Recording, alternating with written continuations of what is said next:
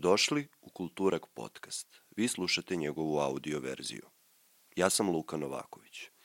Pre nego što počnemo, želim da vas zamolim ako želite da podržite moj rad, to možete uraditi na Patreonu sa mesečnim donacijama ili možete sa jednokratnim donacijama na Paypalu. Uh, takođe, uh, možete me zapratiti na YouTube-u ili, uh, kako se zove, slati ljudima ako mislite da će im se dopasti ovaj sadržaj, uh, jer uh, tako možemo brže doći do većeg broja publike. Da se vratimo na epizodu. Uh, moji gosti su bili glumci Ognjen Nikola Radulović i Đorđe Mitrović. To su dva talentovana, pretalentovana po mom mišljenju glumca, dva zanimljiva tipa. Mi smo imali preko dva i po sata razgovora o pozorištu, o glumi, o filmu i tako dalje i tako dalje. Ovaj razgovor je za mene bio jedna velika zadovoljština i možete i sami videti koliko smo sva trojica u njemu uživali. Se izvinjavam na ovom pozadinskom zvuku, ali je tako kako jeste. Tako da uživajte.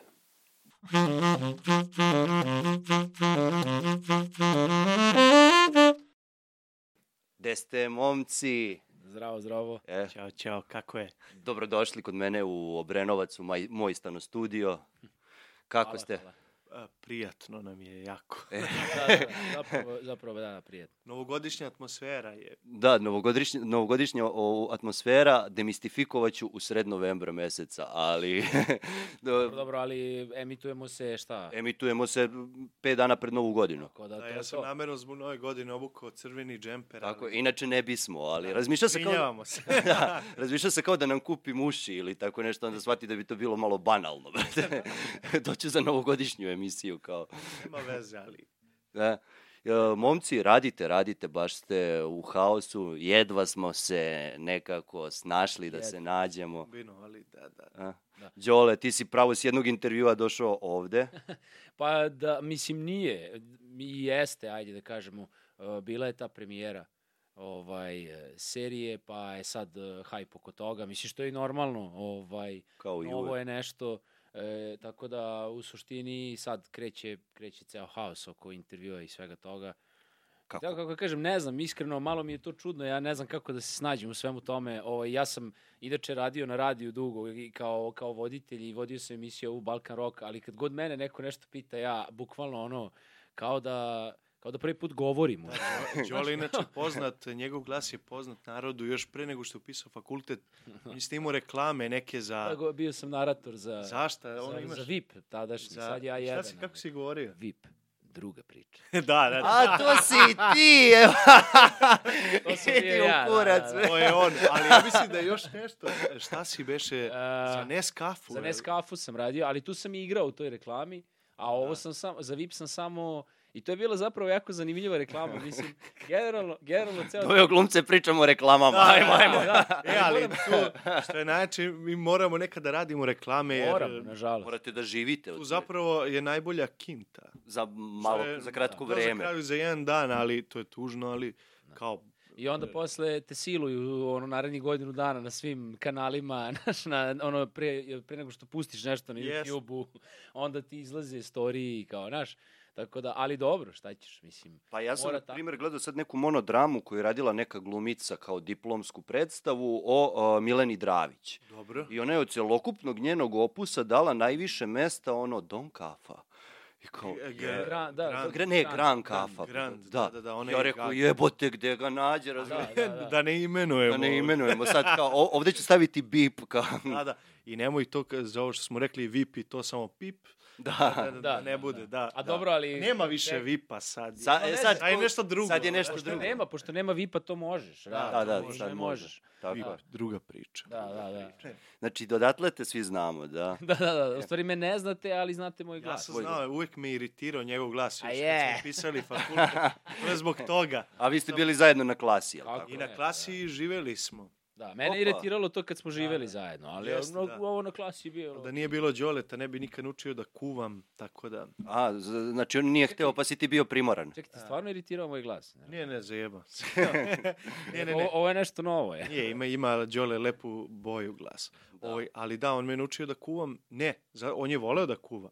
Nego ja nisam znao ništa. I Da, onda da. sam samo meni je ostajalo samo perem sudove posle njega, jer kao on kuva. Ali uvek se sam- tako počinje. Jebi. Pa da, i onda sam ja hteo da naučim i naučio me je dobro. Da, da, da, iskreno. E, nema na čemu uvek. Ja, ja jako volim to da radim i baš smo, pa pričali smo i on i ja kao šta ćemo da radimo ako ne, ne uspemo u našem poslu, kao Da, šta nam je da. plan. Otvaramo restoran, znaš, to je to kao. A svakako i Idemo. ako uspemo, I ako otvorit ćemo uspemo, otvorit ćemo restoran. restoran. Da, Pa da, to je, to, to je dobra varijanta. To je, sad Jeste. možete sezonu uvek da odradite kao kuvari. A To, jest. je, to nije nikakav... Jeste, ja, ja sam mislio čak i da pravim neku ono kao emisiju, nešto tog tipa, kao neki kao Kuvanje i podcast. muvanje. ne, ne, mislio sam da pravim kao neki podcast, nešto slično kao, ali sam, isto kao razgovor, Nešto što je slično normalno. kao Galeb sad. Da, ali, ali kuvamo, znaš. Da, da, da. I to. A je sad, vidjet ćemo kako to ide. Ali generalno moram da kažem nešto to za kuvanje. E, ja mislim da, da to, ovaj, mislim, ja generalno jako, baš, baš volim to da radim. Ali ja kad uzem da kuvam, ja, ja stvarno istripujem se ja Jamie Oliver, razumeš? I kao sad tu seckam, pa kao na šop, on. I mislim da, da iz te ljubavi će jednog dana sigurno nešto da, tipa restoran ili nešto, Pa da. sigurno ću uložiti u tako nešto i pokušati to, jer kao, stvarno mi je ono, baš mi je strast, da kažem. Jeste, Da. svaki posao neophodan sastojak je ljubav. Tako je. Da, Da bi Tako bio uspešan tako u je, tome. tako je. da. Ali to je ono, ono što smo mi pričali pre emisije, kao ja se ne bavim Mhm. ovim, imam posao, ali za ovo u suštini živim i ovo mi je zadovoljstvo. Kao, Da, što da. do- dovodim ljude i kao pričamo sad o svemu i svačemu. Da, i to su najlepše stvari, ono kad još kad bi nekako moglo da se spoji da, da, da i od toga i živiš i sve, to Pa, ne bi bio posao. Onda. Da, da, donirajte mi pare na Patreonu. Patreon, Patreon. Patreon. Patreon, Patreon. E, ovo sad kao sugestija. Znači, izašla ti je nova serija koja se zove Poziv, Poziv, da. koja će se emitovati na RTS-u, odnosno nije tvoja, ali ti glumiš Da, da, da, njoj. ja igram, igram u toj seriji. A, ovaj, to je e, baš jedna, kako kažem, dobra prilika za eto, glumca u e, Usponu. Ja sam da kažem mlađi glumca, ali uskoro punim 30, pa kao naš, ne znam, O. ne znam kako se kotira. Ko, A ja mislim do glumac. 35. E, Da, a, i e, inače, dobro. zanimljivost, nas dvojica smo rođeni 28. februara. Istog dana. da. O, Tako da ja, s- ka- kad on kaže punim 30, ja znam da ja punim 28. Jer je I uvek dve imamo godine dve godine, iako ja izgledam A. stariji od njega. da, pa ovaj. ti izgledaš jedno 10 godina starije nego on. Dobro, to je zbog ovih brkova. Ovo je moj mlađi brat. Da, da, Ovaj. da, da. Vambračni sin. Porasto je. znaš. da, Porasto dve godine unapred, jebote. da, da. Da, E, Rodio se ta, ovaj stari. da li Ali- za poziv? Ja za poziv, Eno. da, pa e, da, to je, kažem, za, ajde, sad mogu da kažem, za jednog mladog glumca, stvarno lepa prilika. Ja sam, uh, ja sam otišao na taj casting i sećam se da mi je rečeno da uh, će igrati Mirjana Joković glavnu ulogu, koja je ono, kako da kažem, legendarna glumica ovde kod nas, ovaj, našim prostorima. I znam da živi u, u LA-u i znam da tamo predaje na nekom fakultetu i kao, kako ja ti kažem, ako ona dolazi da nešto snima, znaš da je to nešto kvalitetno, kao da je to Da. neki dobar scenario, da je to nešto ono da će se raditi jako kvalitetno. I ja sam bukvalno stajao sam ispred vrata tamo na tom castingu i mislim sad ne znam da li smem da psujem ili ne. Sme, sme, ja ali- sam malo preopsovo, da vas Okej. motivišem. A, bio sam u fazonu, pošto ja generalno imam veliku tremu, ono, često, pogotovo, znaš, ti castingzi, to je onako malo, Jeste, to neprijatno. sve n- n- bude neprijatno, jer i, e, igraš, s- stojiš tamo sa nekim zamišljenim ljudima u glavi, znaš, kao ti nemaš nikog Da, i s druge bacaju strane, ti nešto, tekst, ono... izgovaraju ti, ne znam, ono, dobro, da, dobar dan, Balša, kako ste, da. I sad, znaš, ti na to treba nešto kao da, ono, uzvratiš s nekom strašću ili Da, šta sa god. strašću i onda ti postaje opet to pitanje. Da. I onda ti on spusti. I tako, znaš, Da, i- scena uglavnom bude loša. Loš, I to da. sve bude loše, ali sad nije to, nego sad sav taj strah me obuzeo da će to biti dobro ili ne i bukvalno mi je samo prošla misao kroz glavu. Mira Joković dolazi iz LA-a. Ovo je Da. kvalitetan tekst. Sad ćeš da pustiš mudu do poda ili te nema. I ja sam ušao i sećam se, stvarno je bio, baš je bio dobar casting. I mislim, prvi put da sam kao na nekom castingu bio zadovoljan. I kad sam saznao, mi smo posle Beogradske trilogije bili u, uh, otišli smo do kafića jednog koji radi ovaj, celu noć, zove se Monks. ne znam da smem da Monks. kažem.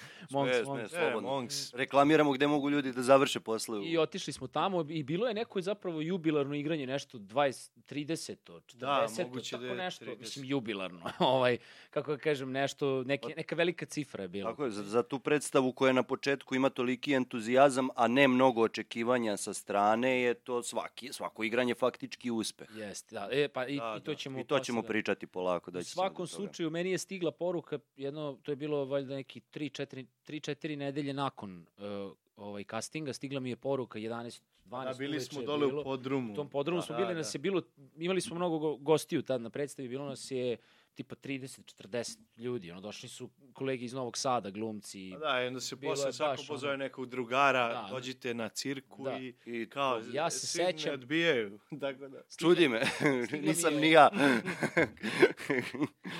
Stigla mi je poruka, pisalo je dobio si ulogu, tri uzvika i stigla je sledeća poruka, čujemo se sutra. To je bilo pola 12. Ja sam pao na podu sred Monksa i ustao i rekao sam, ljudi kao tura za sve, tu je sad bila ekipa koja je znala u suštini da sam ja bio na tom castingu i tako dalje. Častio sam ih piće i onda sam došao do našeg eh, prijatelja Miloša Macure, pošto sam imao nula dinara i bio, pa to li imaš 10.000? Tako da, to je, to, to je eto, zanimljiva. jedna Rekao je, da dođem ti to- kad mi uplate mi ovi od uplate serije. honorar od serije, ja ti odmah šaljem. I on je bio u zonu, naravno, bat. Njegov. Macura i dalje čeka taj novac. E, da, Podržite na dobro. Nećemo Patreonu. se sad- Podržite Đoleta na Patreonu da vratim da, Kao jedan segment novac. kompletan na Paypalu za Đoletovo vraćanje duga, jebi ga. E, I to, i kažem, vrlo lepa prilika, stvarno ekipa je bila ono, na setu sjajna, osam epizoda, m, radilo se jako detaljno, kako da kažem, e, nema ono sad nešto snimimo scenu za dva minuta, ne, nema, nema toga, Aha. znači sedi se, radi se, popriča se. Marko Đilas je reditelj, on je stvarno ovaj, divan tip, on je režirao onu seriju na terapiji, ako se sećate sa Da. Mikijem Da, sa Manojlovićem, što je bilo da. i Da. E, ovaj, generalno, lepo smo se e, razumeli i on i ja i ja sam razumeo šta je moj zadatak u suštini.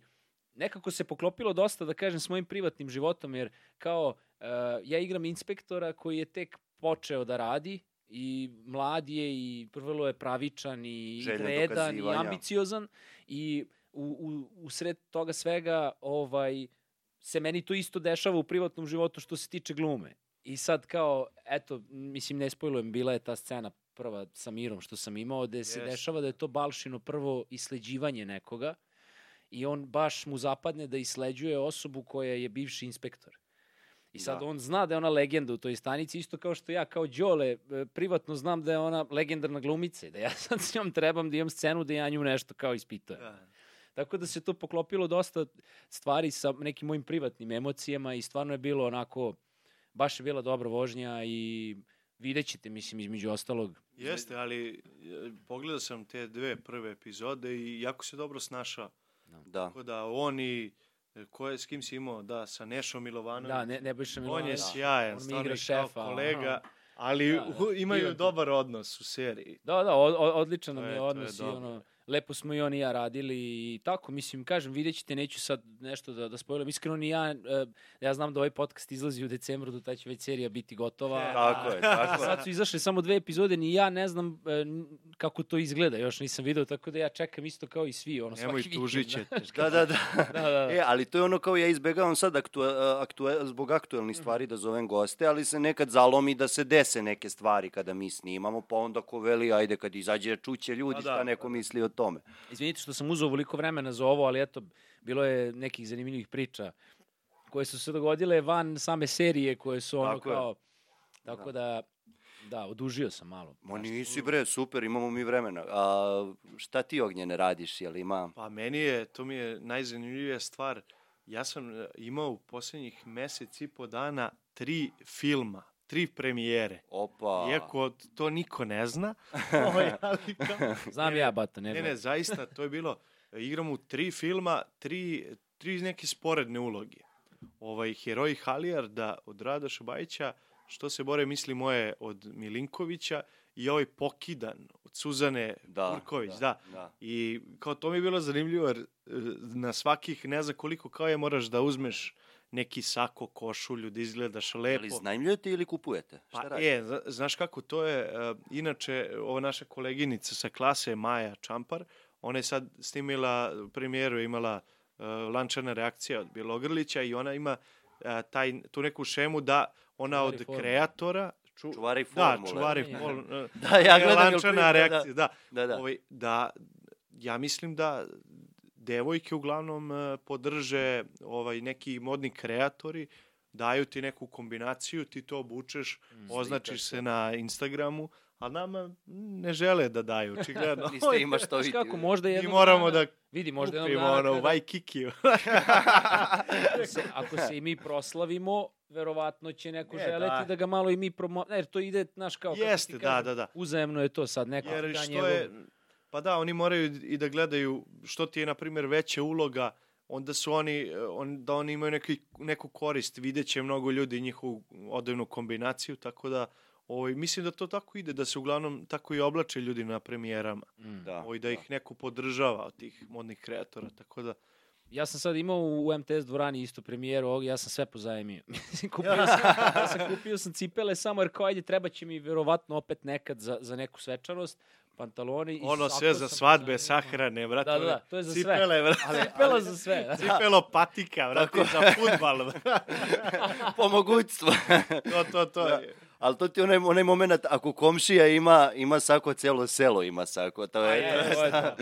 To Ja sam smo- drugara To je bilo jako zabavno dok smo studirali zajedno. Znači, nas dvojica smo zajedno studirali iz predstave Beogradska trilogija Nikolina Vujević i Macura Miloš. Oni su studirali zajedno sa nama na klasi. I u jednom trenutku muškarci, nas je bilo petoro, tu još fali Darko Radović i Nenad eh, Pet, eh, Popović, bože Petrović. E, da, i mi smo u jednom trenutku, primjer, nemamo dezodorans i jedna osoba ima dezodorans I svi i mirišemo svi isto. mirišemo isto. I onda Kad kao, izađemo, vam- Ako neko još ima parfem, znam da je tad kupio Macura, neki Calvin Klein. I, i onda mi smo stavljali ga i, i samo on kad ne vidi, mi uzmemo, stavimo, on kaže, jebe vam mater. Dao sam 60 evra, svi mirišemo isto u kučku mater. Izađete u grad i kao ribe zbunjene. Evo Da, da, kao, svi bre mirišu dobro. Znaš, Još ako ste isti omekšivač koristili, pa to Naravno da jesmo. Pa sve smo prali, znaš ono, ubacimo prljave, čarape, gaće, majice, sve u istu veš mašinu, brate. To se, ali To mi je bilo, smo i ne? zdravi smo. Jednog dana dolazim na faks i vidim ono da, da, da o, Darko nosi moju majicu. A, on je meni stalno... on- Krade mi gaće, znaš? on je kao, meni krao to nije gaće. Ja vidim, imao sam neke gaće i stalno nemam ih i vidim samo o njemu. I ja mu, ja mu kažem, što mi kraljiš gaće? On kaže, ma nije ni džogi, kao to su moje gaće. A, Ja kao, da nije. Znači, Liki nam je uzimao i gaće i čarape, čarape. ali svi smo uzimali Svi jedni smo drugima. sve I to je bilo jedno Da, da. prelepo iskustvo, Jest. ovaj, koje Jednom zapravo... trenutku smo sva petorica živjeli, e, se kaže sva petorica, svi, sva, Sva petori. Sva, petorica. Sva. smo živjeli Nas u jednom petorica. stanu. Nas petorica živelo je u jednom tom stanu, ovaj, to je bilo strašno. Ali stan, taj stan je genijalan jer je on bio kao, e, kao e, neki kiosk. Kao, ne, ne, kao lokal. Lokal, da, i nije imao naravno PVC prozore, bilo je prehladno. U Novom Sadu kad duva vetar, to je pakao. Probija, da, E, da. i prozori su odmah, ogromni su i direkt e, je ulica pored. I mi smo se tu, e, bili smo zaleđeni, još su ti kreveti bili Joj, užasni, strašno. ovako tanak, e, dušek, e, I škripi. metalno dole, da. ona žica. Da. I, A one- ono što to je bije po bubrezima Da, i škripi sve vreme dok, dok Ja imam ležiš, okreneš se, škripiti. I to je bilo užasno. Kako se neko okrene u sobi, tako se svi probudimo. Znaš, Da, bukvalno. Znači, ne može, ali bio je dupleks. Da. A, naravno, otvoreno je bilo gore i dole kad nam dođu ljudi pa puše, onda gore ti ode je ceo galerija dim. gore bila, nije bilo zato. To je bilo Ako užasno. spavaš u gal, na galeriji, ti, Ali se to je- gušiš u dimu. Ali suštini. pazi sad ovo, to je centar grada na dva minuta od akademije. Mi smo živjeli iza akademije. Centar grada, koliko smo plaćali? 240 evra sa sve računima, što znači nas petorica kad podeliš to, Pa da. ne izađe ni nešto, nešto sitno. E, ali to je bilo dobro. Uh, na kraju smo saznali da je ta kuća sazidana na groblju. Da. To nam je dosta stvari objasnilo, jer tamo se dešavalo dosta čudnih stvari. Znači, A, bukvalno. ne, pa, pa pazi ovo. Paranormalne aktivnosti, Prvo. to je bilo jezivo. Prvo, samo da ti objasnim kako izgleda, to je jedna mala ulica gde može da prođe jedan auto i prolaze automobili. Da. I ti direkt sa ulice, sa puta gde prolazi, znači nemaš trotoar za pešake, nemaš ništa, ulaziš u naš stan.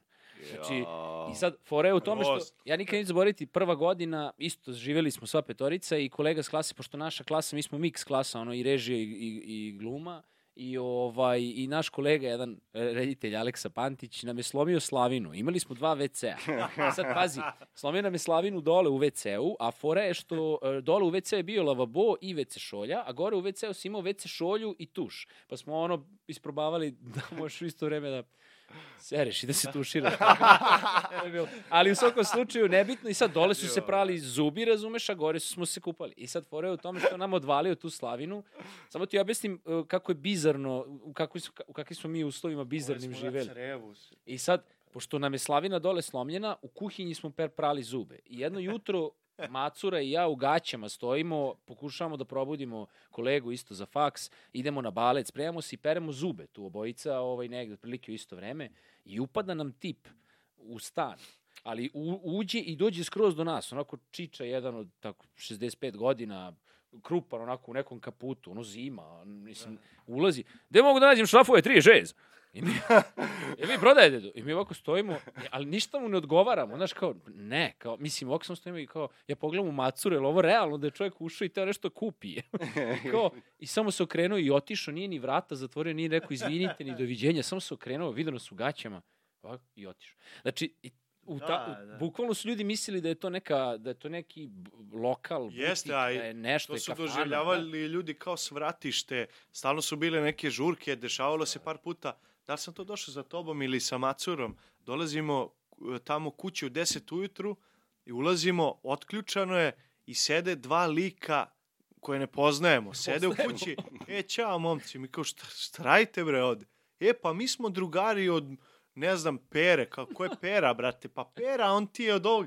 Iskapiramo da je to neko kaže, aj momci, ovaj, kafice, idite kući. Kao, mi imamo, Znaš- studiramo, i evo te, znači, Bukvalno, da. ali to je bilo ludilo. Ta prva godina, to je e, stvarno. taj stan, koliko god da je imalo šarma tu i zezanja, nije, nije dobar bio. Znači, navukli smo tu boleštine neke, ono, Ne, reumu smo, i... Znaš šta, navukli smo preveliku opuštenost da su ljudi mislili da mogu, nama su ljudi svraćali Bukvalno ono, kako ti kažem, samo. svrati bilo ko sa akademije, bilo kad, u bilo kom trenutku i kao, kao da je svratio u kafić na kafu, razumeš? A mi u tom trenutku porazbijali smo Jeste, sve da. čaše i nemamo više čaše iz čega pijemo, pijemo iz tegli. Ono što nam, što nam keve i, i Jeste. matorci zapakuju, znaš, kada ono... Da, imali smo, i- ali bukvalno Da. smo imali samo tegli, to je bilo najjače, I- jer sve se pije iz tegli. Ali ljudi se tako previše opuste kad im dozvoliš nešto, onda su Jest. krenuli bahato i da dovode ljude i sve to i onda smo Da. zabranili.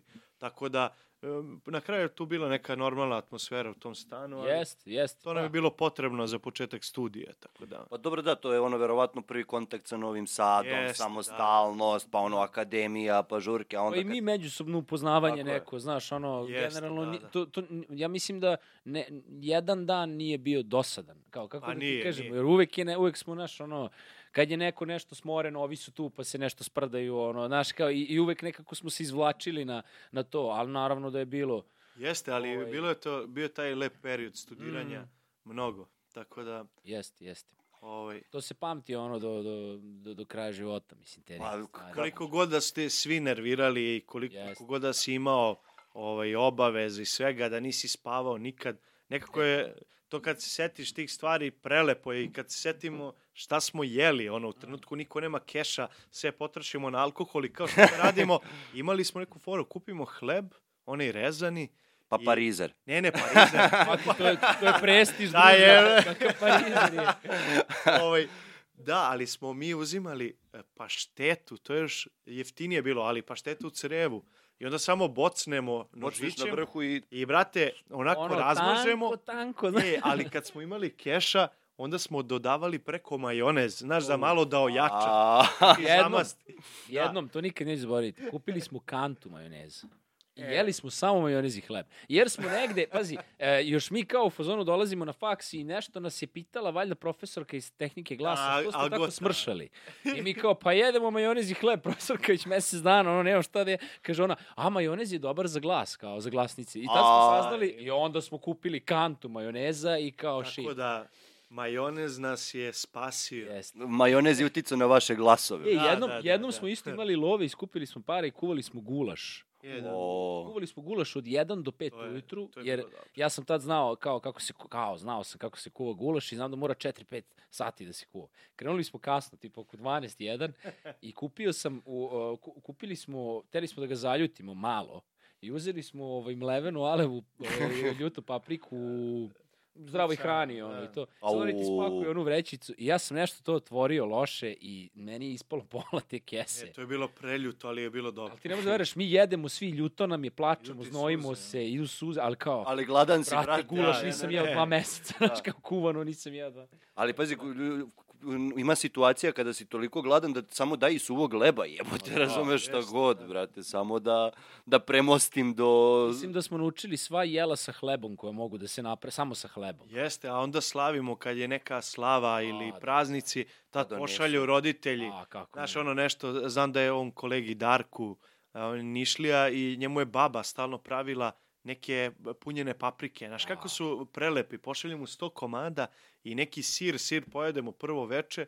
a ovo malo razvučemo. I to je bilo baš onako uživanje ili kao te klasne slave. i Onda, Nenad Don- je don- i stalno imao klasnu slavu, da. da, da, da, ovaj, i tamo jer kao ne možemo da odemo kući, nekad smo i odlazili, ali ovaj, i onda tako pravimo na fakultetu, spojimo stolove, pa kao donesemo Da. hranu i to. Tako da, ovako, gajili smo lep duh i mislim da, Jeste. da nas stoji i drži i dalje, Mm. jer mi se svi nekako međusobno podržavamo.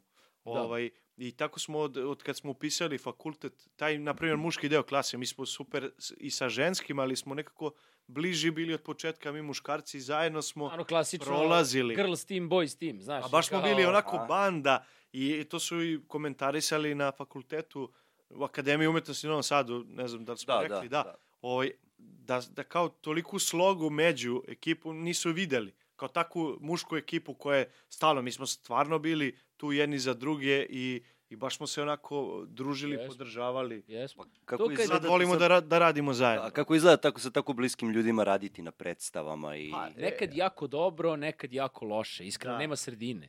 Mislim znaš, da ti kao- to daje neku opuštenost i, Da. i onda, onda e, ne budeš e, kakav si inače. Mm. Pa- ne pa da, budeš ste možda sad- na, skroz na najprofesional, znaš, kao... Pre, o, previše opušteno možda, što ti donese nešto dobro, ali i nešto loše. Tako da, Da. ovaj, vi ste i sad, oni su radili e, sad predstavu, mene su isto zvali, trebao sam budem deo ekipe, ali sam radio neku drugu predstavu, pa nisam mogao. Bogojavljanska noć e, Da. u, u pozorištu mladih. u Novom Sadu. Sad isto je režirao Ivan Vanja Alač, on je režirao i Beogradsku trilogiju. Da, da. Ovaj, I ekipa je, ko je iz trilogije? Ti, Pa, iz Macura, trilogije Smo Macura i ja. Da, mislim Aha, da ste samo sa vas Sa dvojica. klase smo Macura, ja i Anica Anica, Anica Petrović. Petrović. Pa to je, da, mi smo imali recimo tamo e, situaciju u jednom trenutku da smo nešto, pošto Anica i ja se znamo i radili smo dosta zajedno i, i na akademiji, dosta scena i tako dalje. I onda, znaš, desila nam se ta neka doza opuštenosti kao, ma, ti, mi ćemo ovo da pojedemo, znaš. I onda tamo negdje treći, četvrti dan pred premijeru smo shvatili da smo malo u problemu i onda Da, smo da. malo jače zagrizli, ali jeste, to što kaže, ima, ima i svojih prednosti i mana, ti znaš koliko tvoj kolega Uh, znaš Može. kao, znaš koliko može i ono i onda znaš čak i neki način da ga malo gurneš, je, znaš, znaš da izvučeš iz možeš njega bolje. šta može. Znaš, možeš bolje, nemoj ovdje da mi sad tu šmiraš, nemoj da mi ovako i znaš te neke stvari s te strane to to je jako jako pozitivan momenat. Mislim koliko puta kad smo radili trilogiju ja sam ono došao kod Nikole bio uzmano, brate, ja ne znam šta će, ja ne znam kako ovo, kako. Pa kako ne znaš? Znaš, Da, ne, bukvalno, znaš dižemo je, znaš. je- Znaš, jedni drugima moral i, i to ja sam uvijek voleo sa Đoletom da radim, jer svaki put kad tako on nešto zabode ili mu nešto, ja mu samo kao, šta je, šta je problem? I onda krenemo i na kraju shvatimo, nema, Nema problema, nego problema, to da. se tamo, tako da, e, da, on zapravo, Đolea, k- šta smo mi, mi smo radili još neke predstave zajedno, ali, ne, ali jesmo. pa nismo. Nismo. Nismo, Nismo. Niste. E, ali smo na fakultetu volili da radimo zajedno Da, da, da. i dobar smo tandem.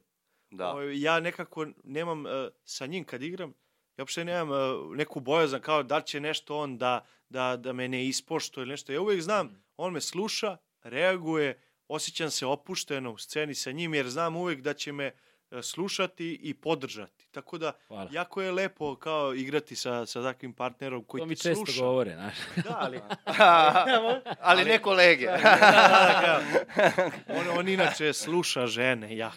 Ja, oj. Oj, da, ali... Slušaš žene? Ma ne, nego i sluša ih ovaj podržava. Tako. to, to, to je hteo da kaže. Ali kao jedan od redkih muškaraca koji sluša žene. To je, e, to je meni rekao brat, e, moj stariji od stritelja, kad sam bio klinac, ja ga pitam, a kako, kako ka- kod žena da imam prođe? On kaže, brate, i kad ti ništa nije zanimljivo, ti se pravi da ih slušaš. Kao. Da, da, dobar savjet je. bio. Ali to naravno, to je, to je glupost. Žene treba stvarno da slušaš, ali... Jest. Ti beš imaš devojku, a? Da, da, da. Dobro, to je za, znači, E, zato ali ja nju, ja nju stvarno slušam. Ja je slušam šta priča. Ovo se ne, ne odnosi na, na tebe. ovaj, ali da, to je bilo ranije kad sam bio klinac. Da, Da. se vratimo samo na temu ovo što je Nikola rekao, uh, hvala. Slušanje partnera. Slušanje Da, partnera, da. da. mislim da mislim da da ovaj ceo da, da gluma generalno čuči u tome. Kao, Da. okej, ti znaš, ono, napraviš neki lik, uh, odradiš sve te neke temelje, ali kao sama interakcija sa, sa partnerom na sceni, mislim da je to, ono, to što se podeli u tom trenutku i što se podeli sa publikom je nešto što je zapravo gluma. Mislim, Jeste, po mom mišljenju, je. jer kao, Zapravo interakcija. Kako da ti kažem, ako, ako ja igram da je on meni dosadan, bit će svima dosadan. Mislim, razumeš? Pa da. A ako ja igram da je zabavan, bit će svima, znaš, i to nastaje iz tog nekog, nekog odnosa i onda, i isto, ovaj, ja uopšte ne mislim za, za Nikolu ovo što on misli za mene. Ja nikad ne znam šta će da uradi i nikad ne mogu da računam, uvek, imam strat resensi pre sebe. Šalim se, nije, nije. A, mi, mi zapravo dogovorimo neke stvari kao koje znamo, kao koji nam je okvir, nešto što... Da, ako želimo nešto da ubacimo novo, kažem, e, možda ću samo taj tu deo. Da, i ja kažem, ok, očekuje. nije, nije, nije, problem. Tako da, u suštini, lepo radimo, lepo sarađujemo već koliko, evo, posle akademije, realno, Pa tri, već tri, tri godine, godine, igramo, igramo tu predstavu i kad je došlo do neke, da kažemo, promene u Beogradskoj trilogiji što se tiče ekipe, nešto se malo, da kažem, shiftovalo, izmenile su se uloge, nama je to nekako, nije Da, mi bio smo nikakav... za jednu probu sve uradili i ljudi su mislili, e pa čekaj, vi to igrate od početka tako. Da, ljudi i dalje misle da... Na, a nismo, Jer smo dobra ekipa jednostavno Da. i, i kogod da se promeni, jedno smo rekli, aj igramo za, ne znam, za 10 igranja, svako da igra neku drugu ulogu. Jer svi bismo mogli da igramo Da. sve Da. uloge. Jedino sad zbog kostima, možda bi neko bio veliki moj kostim ili mali, ne znam, macurin kostim. Da. Ja Ovaj, bih volio da igram Lenkinu. Jeste, Lenkina uloga je nekako divna. Koju tačno? Onu, u, nije ruskinju, šta je? Ono, E, ja bi, Ru- ja bi Čehinju, Čehinju. Čehinju, kad Čehinju. uđe Alena, A, Da. to, to je predivna uloga. Sad, e, mislim da se dosta pozorište, generalno gluma bazira na toj interakciji između dvojice glumaca, jer ti ako nemaš poverenja u partnera, džabe Da. tebi sve i džabe ste krečili. I ako vas dvojica zajedno tu niste dobri, onda može jedan da bude fenomenalan, a jedan Jeste, onako, ako zajedno niste dobri, onda je predstava Da, loša. jer Je, onda se, ako, ni, ako ne slušamo jedan drugog i ne reagujemo, onda se ne dešava ta interakcija. Ako se ne desi interakcija, neće se ni dogoditi sa publikom. Jer bukvalno ti treba da igraš za svog partnera Jeste. da bi, da bi se da, i da ja verujem u to i da on poveruje u to što ja govorim i onda će svi poverovati. A pogotovo Tako što da je to je- predstava, ono, kad pričamo baš o pozorištu, to je jedna vrlo živa stvar. I je. kad ti sad mora tad staneš, da se desi. Mora tad da se desi. Sad ti kad staneš sa, znaš, ono, mi kad radimo, eto, tu scenu, neću da spojlujem, ljudi možda nisu gledali Beogradsku trilogiju, ali A to je... odigramo sad tu scenu. Ali, ta, ali, ali ta scena je generalno uvek bude duhovita, zabavna, čak i tužna u nekim momentima. Ono, baš jedan neki kao, e, kako da kažem, e, Imaš, Samo je va- u, imaš ne, ima, u toj sceni baš ima nekih amplituda eto emotivnih. ti si gledao, pa ja sam znaš, gledao, kad da, da. ostanemo sami u Da, drugoj da, sceni, da. to je uvek ljudi reaguju na to iz Komedije do razloga. tragedije. Tako je, tako Ima je. jako i bizarnih delova, ono Da. za babu. I Fenomenalna, za- fenomenalna Jeste. scena. Meni možda ali i to je, omiljena. ali nas dvojica, na primjer, tu scenu, mi smo to spremali tako što mi smo samo rekli, dobro, to treba se desi i znamo sve što treba, Da. ali nekako mi sa, dogovorili smo se i mi tu pričamo.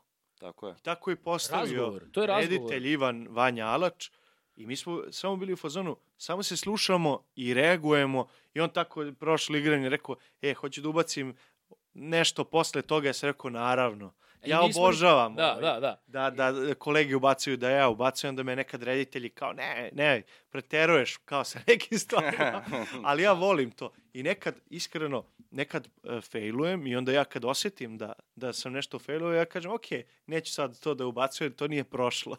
Da. Ovaj, Da, da, da. ali mi kao mladi Ali- glumci treba da imamo tu opuštenost. I da imate I kao hrabrost. neki, sc- da, scenski bezobrazluk. Jeste. I znaš šta, hrabrost. znaš šta je isto strava stvar? To, to sam ja skoro pričao sa, isto sa njim, pošto e, generalno mislim da ne postoji glumac koji ne voli da negde nešto ubaci i zamasti. Znaš, kao Da, u da, nekom da. momentu.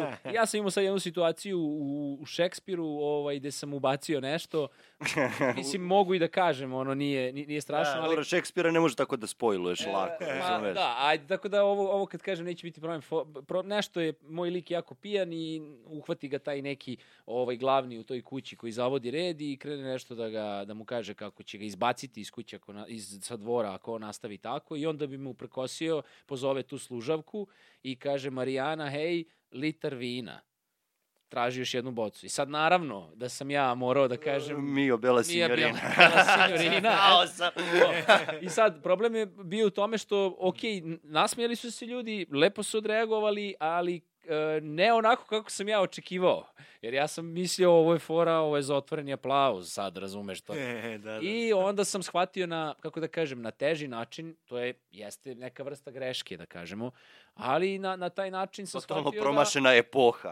Da, ali i, i Ali ja da to nisam uradio, mene bi to jelo danima i mesecima posle Da. što, do, do sledećeg igranja, što ja to nisam uradio. Ja sam to sad uradio i ja to više neću nikad, jer nije prošlo. Jeste, i a nije, tebi je zapravo rekao i reditelj, kaže, nemoj to, tu foru zato što to se ne odnosi na, neće se razumeti je, šta tako se dešava, kao. Da, da, Onda da. fora samo radi fore, radi Tako kneza. Fora radi fore, re- ali, Ovaj- jer kao naš publika zna taj stih kao sigurno litar vina mi je bela sinjorina. Da, i pogotovo Ali kao- mi, mi nekad mislimo da će ne, neka interna možda, Da. To je najveći problem. e, i onda ti vidiš samo, Da. ok, ali to u početku, kad smo bili a, mlađi, mislim, nismo Da. mi sad matori, ali kao na početku karijere, mi zapravo od 2021. možda igramo, od 2020. ja sam imao tad premijeru prve predstave Upotreba čoveka, režije Borisa Aliješevića i to mi kao bilo prva predstava. Dobra predstava, pogledajte svi. Ne, Boris Lješević je generalno fenomenalan reditelj. Ova predstava je sjajna Nikola je sjajan baš u E, hvala, da hvala. Treba pogledati. Da, ali to je, to je nekako ta... e, e, i, i, mi, i mi smo tek tad počeli da, e, kao da, da osjećamo i tu neku kao hrabrost i sve i u početku nam je više e, tih stvari bilo potrebno, pa neke poštapalice, pa da ubaciš nešto kao da se ti osjetiš dobro. Sigurno I posle kako ti da. e, kao odrastaš, sazrevaš kao glumac, samo shvataš da treba da se sve to odbaci i da radiš ovako kako kako je i napisano, direktnije. naravno, i možeš ti da, da nešto tu izmeniš, ali na kraju što je čistije, to je i duhovitije i zanimljivije, jer kad se to zamasti tim nekim poštapalicama, mislim ovo, ono, to nekako ode. Kad je, na primjer, plasman, to je replika, ako imaš da kažeš, ti je dobro plasiraš, kažeš tu jednu reč. I Tako tu ljudi će reagovati na to, ali za to treba iskustvo i koje mi sad dobijamo igranjem. Tako, Tako da to je jako lepo što mi zapravo imamo priliku da igramo ovoliko dugo već Beogradsku trilogiju, već igramo, ovo je treća ili četvrta sezona u Jugoslovenskom dramskom Da. pozorištu, što je baš onako veliki uspeh za, za jednu predstavu, a pogotovo za predstavu gde, cela ekipa mlada, i reditelj i svi glumci. Tako, je, Tako da- pogotovo tako neka institucija kao što je Jugoslovensko dramsko pozorište sa tradicijom, kvalitetom i ostalim stvarima. Ali ajde sad kad smo već krenuli sa, sa tom beogradskom trilogijom, uh, trenutno u toj postavi igrate vas dvojica. Da. Uh, igra Lenka Petrović, uh, igra Miloš Macura, koga smo spomenuli malo pre. Ovi i- što je pozemljivo novac. No. Tako je. Zelenaš, kla, klasni zelenaš. Jel naplaćuje kamatu? Uh, pa, Slabo. Nije, kaže, kaže samo, još on živi u Rakovcu, pored Novog Sada, kaže, ojde ba, to treba će da se skidaju crepovi gore. A, on to u naturi naplati. On ja u sam, ja sam naturi, pa jednom kao da- pozajmio pare od njega i uzeo sam protein neki, ovaj, pošto ja kao treniram. Imam telefon. Jo. I on me zove posle mesec dana, pošto je video da pijem to i kaže, ti mišići, to je moje. Dođe, kaže, gradi se kuća, gradi se sprat, treba da se nosi gore cigle, cement, ajde, dolazi.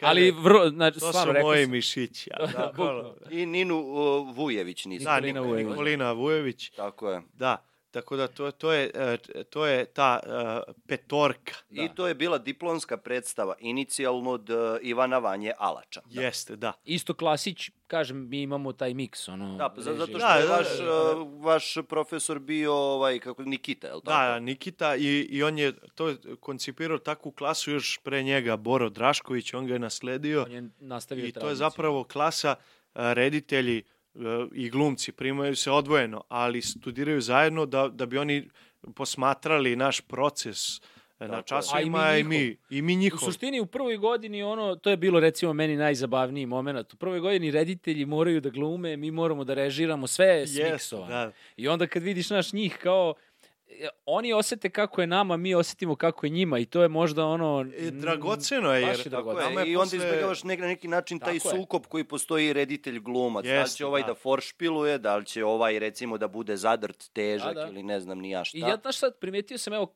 već tri godine da kažeš, mi smo 2020. završili koliko radimo i, ta, i tako dalje. I, I primetio sam kako ja zaista imam neki drugačiji uh, razgovor sa rediteljem.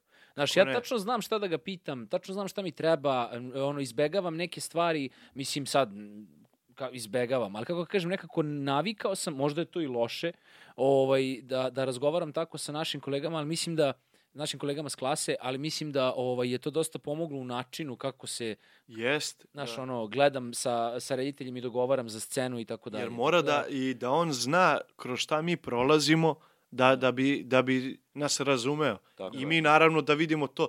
I meni je to bilo, na primjer, kad sam pomenuo ovu upotrebu čoveka, Boris Iliješević, on je studirao kod Bore Draškovića, isto na mix klasi. Da. I e, desilo se čak par puta, on je igrao glavnu ulogu u toj predstavi da. upotreba čoveka kad je glumac Jugoslav Krajinov bio bolestan. I on je igrao.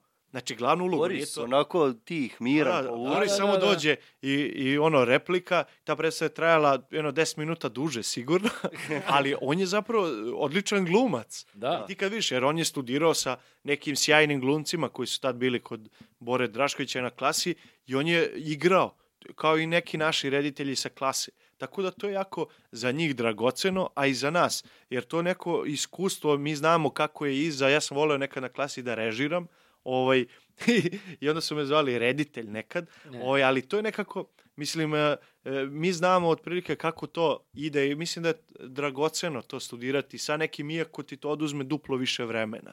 Da. Zato što mi sve moramo slušamo i oni, tako da je to studiranje bilo naporno, ali mislim da je bilo dosta onako e, značajno za, za sve nas. Pa generalno za studije glume ono što svako ističe od glumaca s kojima sam ikada razgovarao jeste taj neki bezbrižan period, mislim bezbrižan period, to, to neko druženje u toku studija, Jest. jeste bio težak s nekih finansijskih aspekata i sa nekih drugih stvari, ali svi kažu kako su to bila fenomenalna druženja, Jest. najbolja ne, druženja. Ne, najbolja, ali e, zapravo kreće e, haos ti tek kad završiš fakultet, to je Da. najgori period za glumca, pogotovo ako nema tu sreću da igra u pozorištu.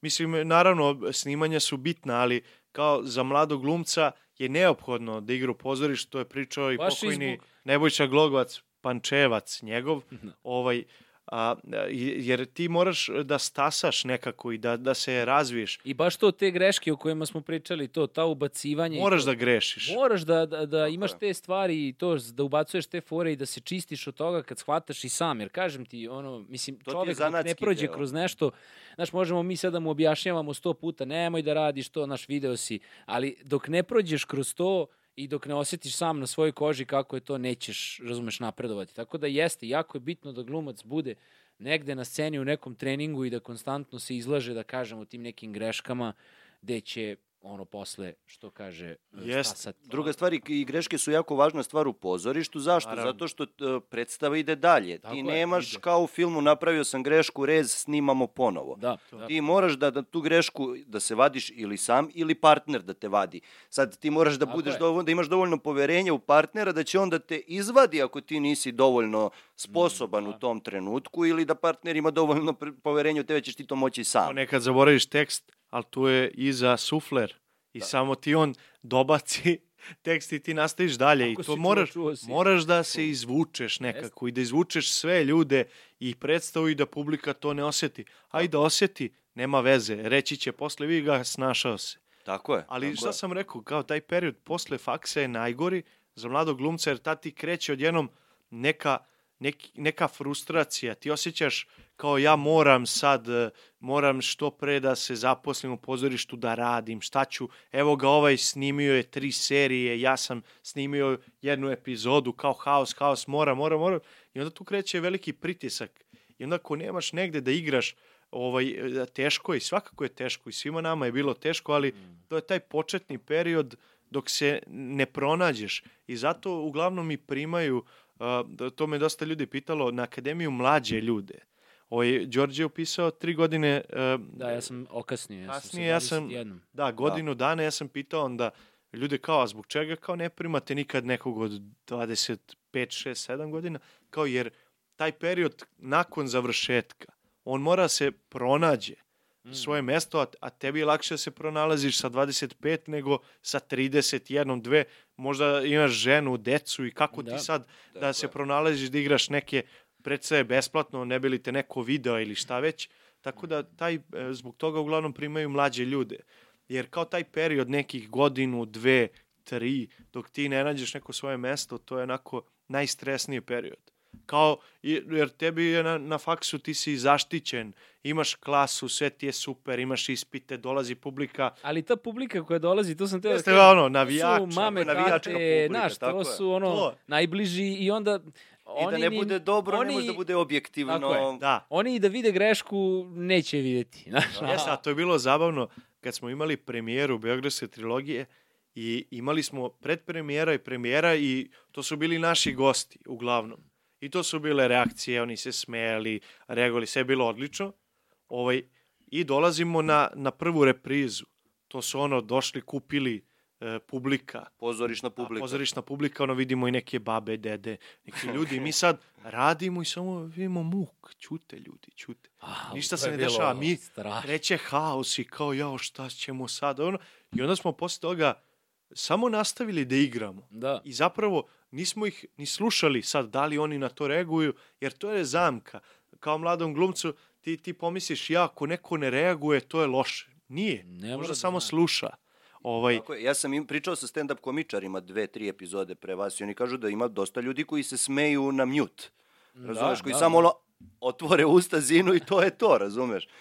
Tako da, ali reakcija je u suštini tu ono stvar koju, na koju glumac koji je na sceni ne treba da obraća pažnju. Znaš da, kako, sad sam baš teo da kažem nešto to za, za, za reakcije. E, izvini što sam te prekao. Nisi, nisi, samo nastavi, piči, Ovaj, bilo, je, bilo je nešto, tad kad smo mi izlazili zapravo sa, sa, izašli sa Beogradskom trilogijom, imali premijeru, tad smo još i imali publiku, kako da kažem, u nekim normalnim uslovima. Pričamo o 2020. godini, znači ono... Nije, nije, dva- 21. brate. Izašla je u aprilu Da, u- 2021. 21. da, da. Mi smo je pri, radili smo na njoj 2020. Jesmo, krenuli smo od septembra. A, U stvari ne, od Nije, faksa. nije, 21. smo krenuli, da. Kako? Ovaj, pa jeste, zato što krenuli smo to 24.. leto i, i onda je, da, Aha, okej, dobro, on se ja nešto pomešao. Ali u svakom slučaju, tad je bilo je, e, znam da nije, nije bio pun kapacitet kao...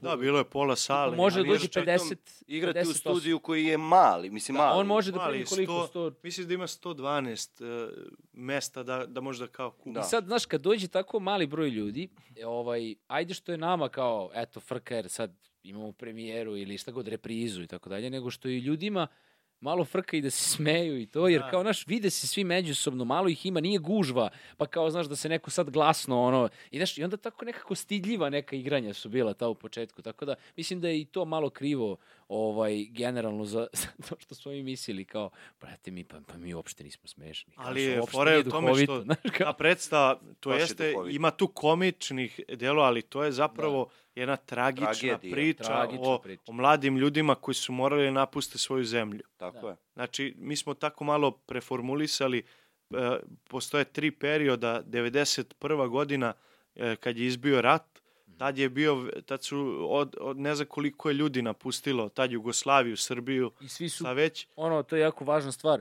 Kad su tada, recimo, muškarci bežali koji su bili, ono, oni su faktički dezerteri bili. Znači, nisu Da. mogli ni da se vrate, nisu mogli da se vrate jer kad bi se vratili, zemlju. išli bi u zatvor. u zatvor. Znaš, da. Onda taj period, e, druga priča je, stavili smo u 2003. godinu, kada je ubijen Zoran Đinđić, Tad tad je mnogo ljudi otišlo iz I to Srbije. za dva meseca je otišlo nešto fazom preko 50.000 Da. ljudi. Ono. Da. Ovaj, I onda godine može 2019. kada je takođe mnogo ljudi otišlo iz zemlje zbog e, vlasti, Da. ovaj, e, tako da nadamo se kad izađe podcast da će biti drugačije.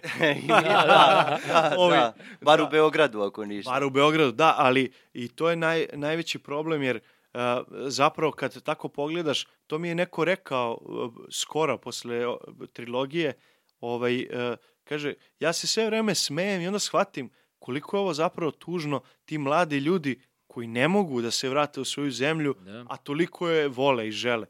I to je bila fora dok smo mi radili e, na predstavi, mi smo imali neke upitnike. Jer em, e, slali smo ljudima u inostranstvu, našim ljudima, jer mi na kraju predstave imamo taj deo ovaj, e, gde pominjemo e, te- ljude koji su najdraže, otišli iz zemlje. Ja sam pričao čak i sa tvojom drugaricom posle predstave koja je rekla da je ona spomenuta faktički u toj Mm, predstavi. Da, da, Milica koja Jeste, živi u Malagi. U Malagi, da. Već Da, da, da, da ste vi stvarno priva, Ne, ne, privatno... naš, naše ljude smo Da. na kraju ubacili, pominjemo, jer to je preko 50.000 ljudi napusti Srbiju svake godine. Da. Ovaj, I kad mi kažemo u toku predstave, posljednja replika je dok smo mi igrali ovu predstavu, pet osoba je napustilo Srbiju. Znači, dok mi sedimo ovde na podcastu, neko je čekirao se na aerodromu i odlazi zauvek. Bez I to, je, I to je strašno. Tako je. I neki od njih su naši najbliži prijatelji. Meni jedan od najboljih prijatelja živi u, u, u Francuskoj, drugi u Nemačkoj i kao to je strašno. Mm. I evo sad, to sam ubacio na prošlom igranju, e, naš drugar Jimmy, ovaj, on se Da. preselio u Rim. Ja sam mu rekao, brate, znaš da ja sad tebe ubacujem u predstavu, moram da te pomenem. Da, da, da. Stvarno, Jer ti ja si kažem- otišao. Jebi ga, ti si sad otišao, ja moram da, da te... I to je, mislim, jako tužno. Koliko god kao mi pomenemo njih i sve to, ovaj, on ima e, repliku, ono, kaže, moji prijatelji, blizanci, Da, Ovaj- da, iz vrtića drugari, ceo život smo se družili, faktički su rodbina, kako kažem. Mislim, znaš, sigurno imaš nekog prijatelja iz osnovne. a oni se nisu je. vratili dan zato što su u Americi. I kao, ti Jedan da se zaista godinama... oženio, ono, stvarno se oženio zbog, zbog papira, ono, imaš ceo tamo proces, postoje kao kancelarije, razumeš da ti odeš kuc, kuc kod advokata, nađite mi ženu, para toliko i toliko i tako dalje, i onda oni moraju da budu zajedno dve godine. I to skoro sam, nešto sam se smeo jako, mislim skoro, pre godinu dana, mi se čujemo ono preko Whatsappa, video call, callovi i to i ja ga zovem i on kaže, e, ne mogu da se javim i šalje mi sliku, pošto ta žena s kojom se ovaj oženio ima dete iz prvog braka. Crnac. I ona je crna, da, da, ona je crna. I, i mislim, neka Domini, ne, iz Kolumbije, tako nešto, onako A, puta Meleskinja je, ili tako nešto, nešto. da, da. I sad, i Mali je isto crn, naš E. coverđav, i on ovako stoji, na, šalje mi fotografiju, ovako drži Liči malog, na mene. e, drži malog, levo stoji, levo stoji žena i kao fazonu, na porodičnom ručku sam. Mogu sad da se javim, zovem te posle. Meni je to jako smiješno zato što ga znam, znaš, kao ono, to kao sad, ne znam, uh, Ali ovo je, ovo je crni humor, ali ne zbog boje kože, nego je, zato ne, što ne, ne, zbog nego okolnosti zbog, celokupnih. Zbog okolnosti da je on, on mora da ide na taj neki nedeljni ručak, razumeš, sa tom nekom kao ženom i da mu dođu ovi, ovi da pitaju Kao familija, kao mu- rodbina. Bukvalno sedi Jest. s njenom mamom, znaš, i to. I kao se oni sede tu i on, on, on ne razgovara s njim. Znaš, kao to je onako jeziv jedan moment gde on meni, znaš, ono priča, kao, stalno mi je pričao to kako to sve izgleda, kako ovi banu, ovi, ne znam kako se zovu ti što im postavljaju, što hoće da ih uvate, da li su brak za zelenu kartu ili, ili su kao legit brak. Da, Znači, da, Vole se stvarno. I sad, to šta su oni sve morali da nauče jedan od drugom i tako. Na kraju su se izgotivili kao naš, ono, kao to je samo ortaci, posao. jebi ga. Jebi ga, to je Da, posao, da. ali kao naš. To ti kao Tako onaj da- kolega koga gotiviš, ono, ne piješ kafu s njim posle posla, ali se Ali- lepo zajebavate u toku Tako smene. je. E, to ti je to. I Da. to je, i Ko nas dvojica. Da. I to je, znaš, ali to je kao neki film, jebote, znaš, on meni priča to, ja umirem od smeha, stvarno je tužno što on, znaš, on stvarno jednom, dva put nedeljno mora da provodi s tim malim, ono, to sve u paketu, razumeš? Da. Ona je plaćena za to. Kao, znaš, kao, to je nekako ono, stvarno mi je prečudno. Mislim, jednom ću da odem kod njih i sešćemo i ovaj, i napisat ću, napisat ću neki scenarij o tome, znaš, kao, Jeste, ali to je zapravo i, i kao kad smo kad pomenemo te ljude i mi to dosta doživimo emotivno i Kako Mislim, posle ovog igranja na kojem sam ja bio čak i zaplakao. U... Pa jesam jer uh, sam e, shvatio da u tom trenutku ja kad izgovaram imena nekih ljudi, na primer Stefan, on je tad otišao, moj Pavle, najbolji drugar, iz, pa, pa pre toga ne znam koliko ljudi, čak moja sestra je planirala, trebala je se preseli u Rusiju i onda sam shvatio zapravo koliko je to strašno je. Znaš, Jest. ono, ali niko ne, ne ide jer kao, e, kao ide mi se, nego ljudi idu zato što traže bolji život, zato što ne mogu ovde da, da ostvare te stvari, ne mogu da žive normalno od, od ovih poslova. Znači, šta moraš Tako da radiš da bi e, sebi priuštio?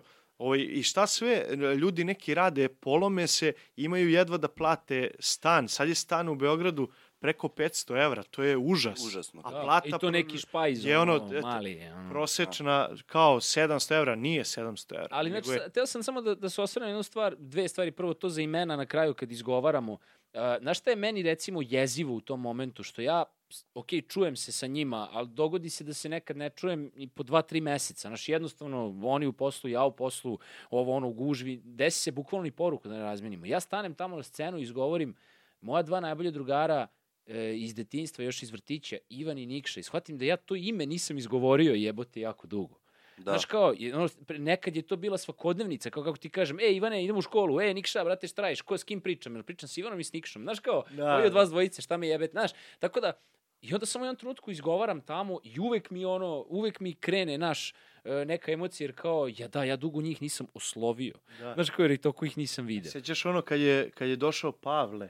Da, njegov drugar je zapravo bio, najbolji iznenadio ga. Ni, Ja ga nisam pre toga video dve godine. Ja igram predstavu i u jednom trenutku bliži se kraj, ja njega vidim u publici. Ja kao šta je ovo u pičku? Ovo Pavle, Si mene da preseklo. Samo me preseklo. Da, da. I meni u glavi tad moram da ga pomenem. I ja tad kažem, moj najbolji drugar Pavle preselio se u Strasbourg, tamo je završio studije i on me gleda iz publike. I to je bilo na kraju kad je bio aplauz, ovaj, on je ustao, nije mogao da izdrži, izašao je ispred i zagrlili smo se pred Da, da, ljudima. je onda su predivno. tamo ono, bake plakale.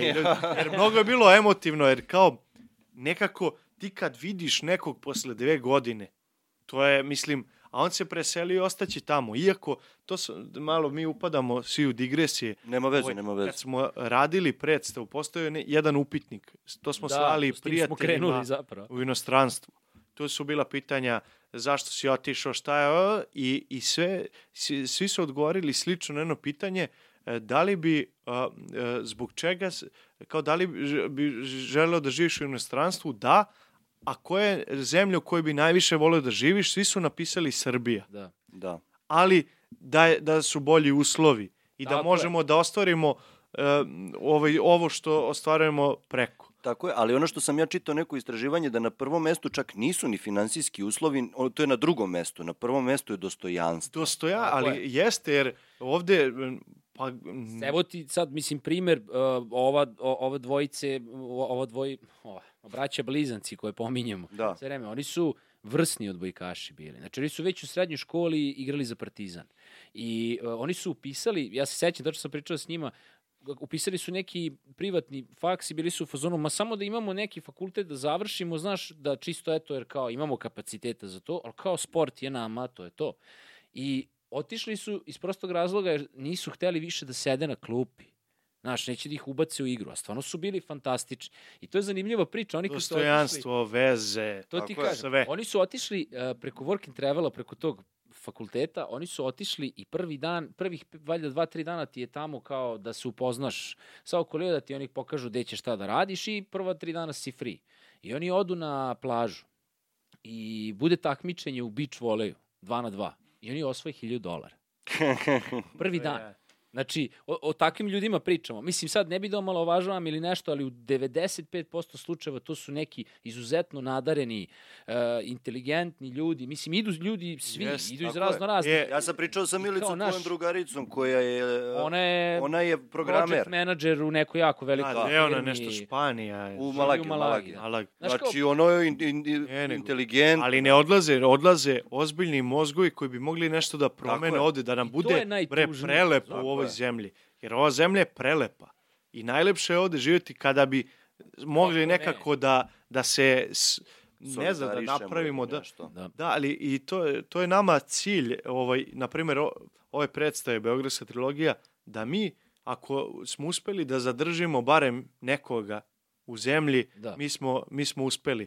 I, I to se desilo, da naš veliki prijatelj predstave, to je najbolji drugar od reditelja uh, Ivana Alača, ovaj, Luka, Luka Hirurg, on je završio ovaj, e, ovaj, Upoznao sam ga. Da, upoznat. E, Da, da, da. Ovaj, da, on je završio fakultet, sve krenuo je, da, i onda je shvatio da zbog i dostojanstva i zbog svega, on je dobio čak e, posao, bio u državnom e, klinici, ne znam koji. VMA. Da, i on je dao, ne, ne, Ne, to je, aha. to je sa, ali on je Da, dao da. otkaz i rekao je, to je to, ja, ja se selim u Nemačku. I onda je on putovao u Nemačku, završio um, onaj k- jezik, ne znam, položio je i, i medicinski nemački i sve.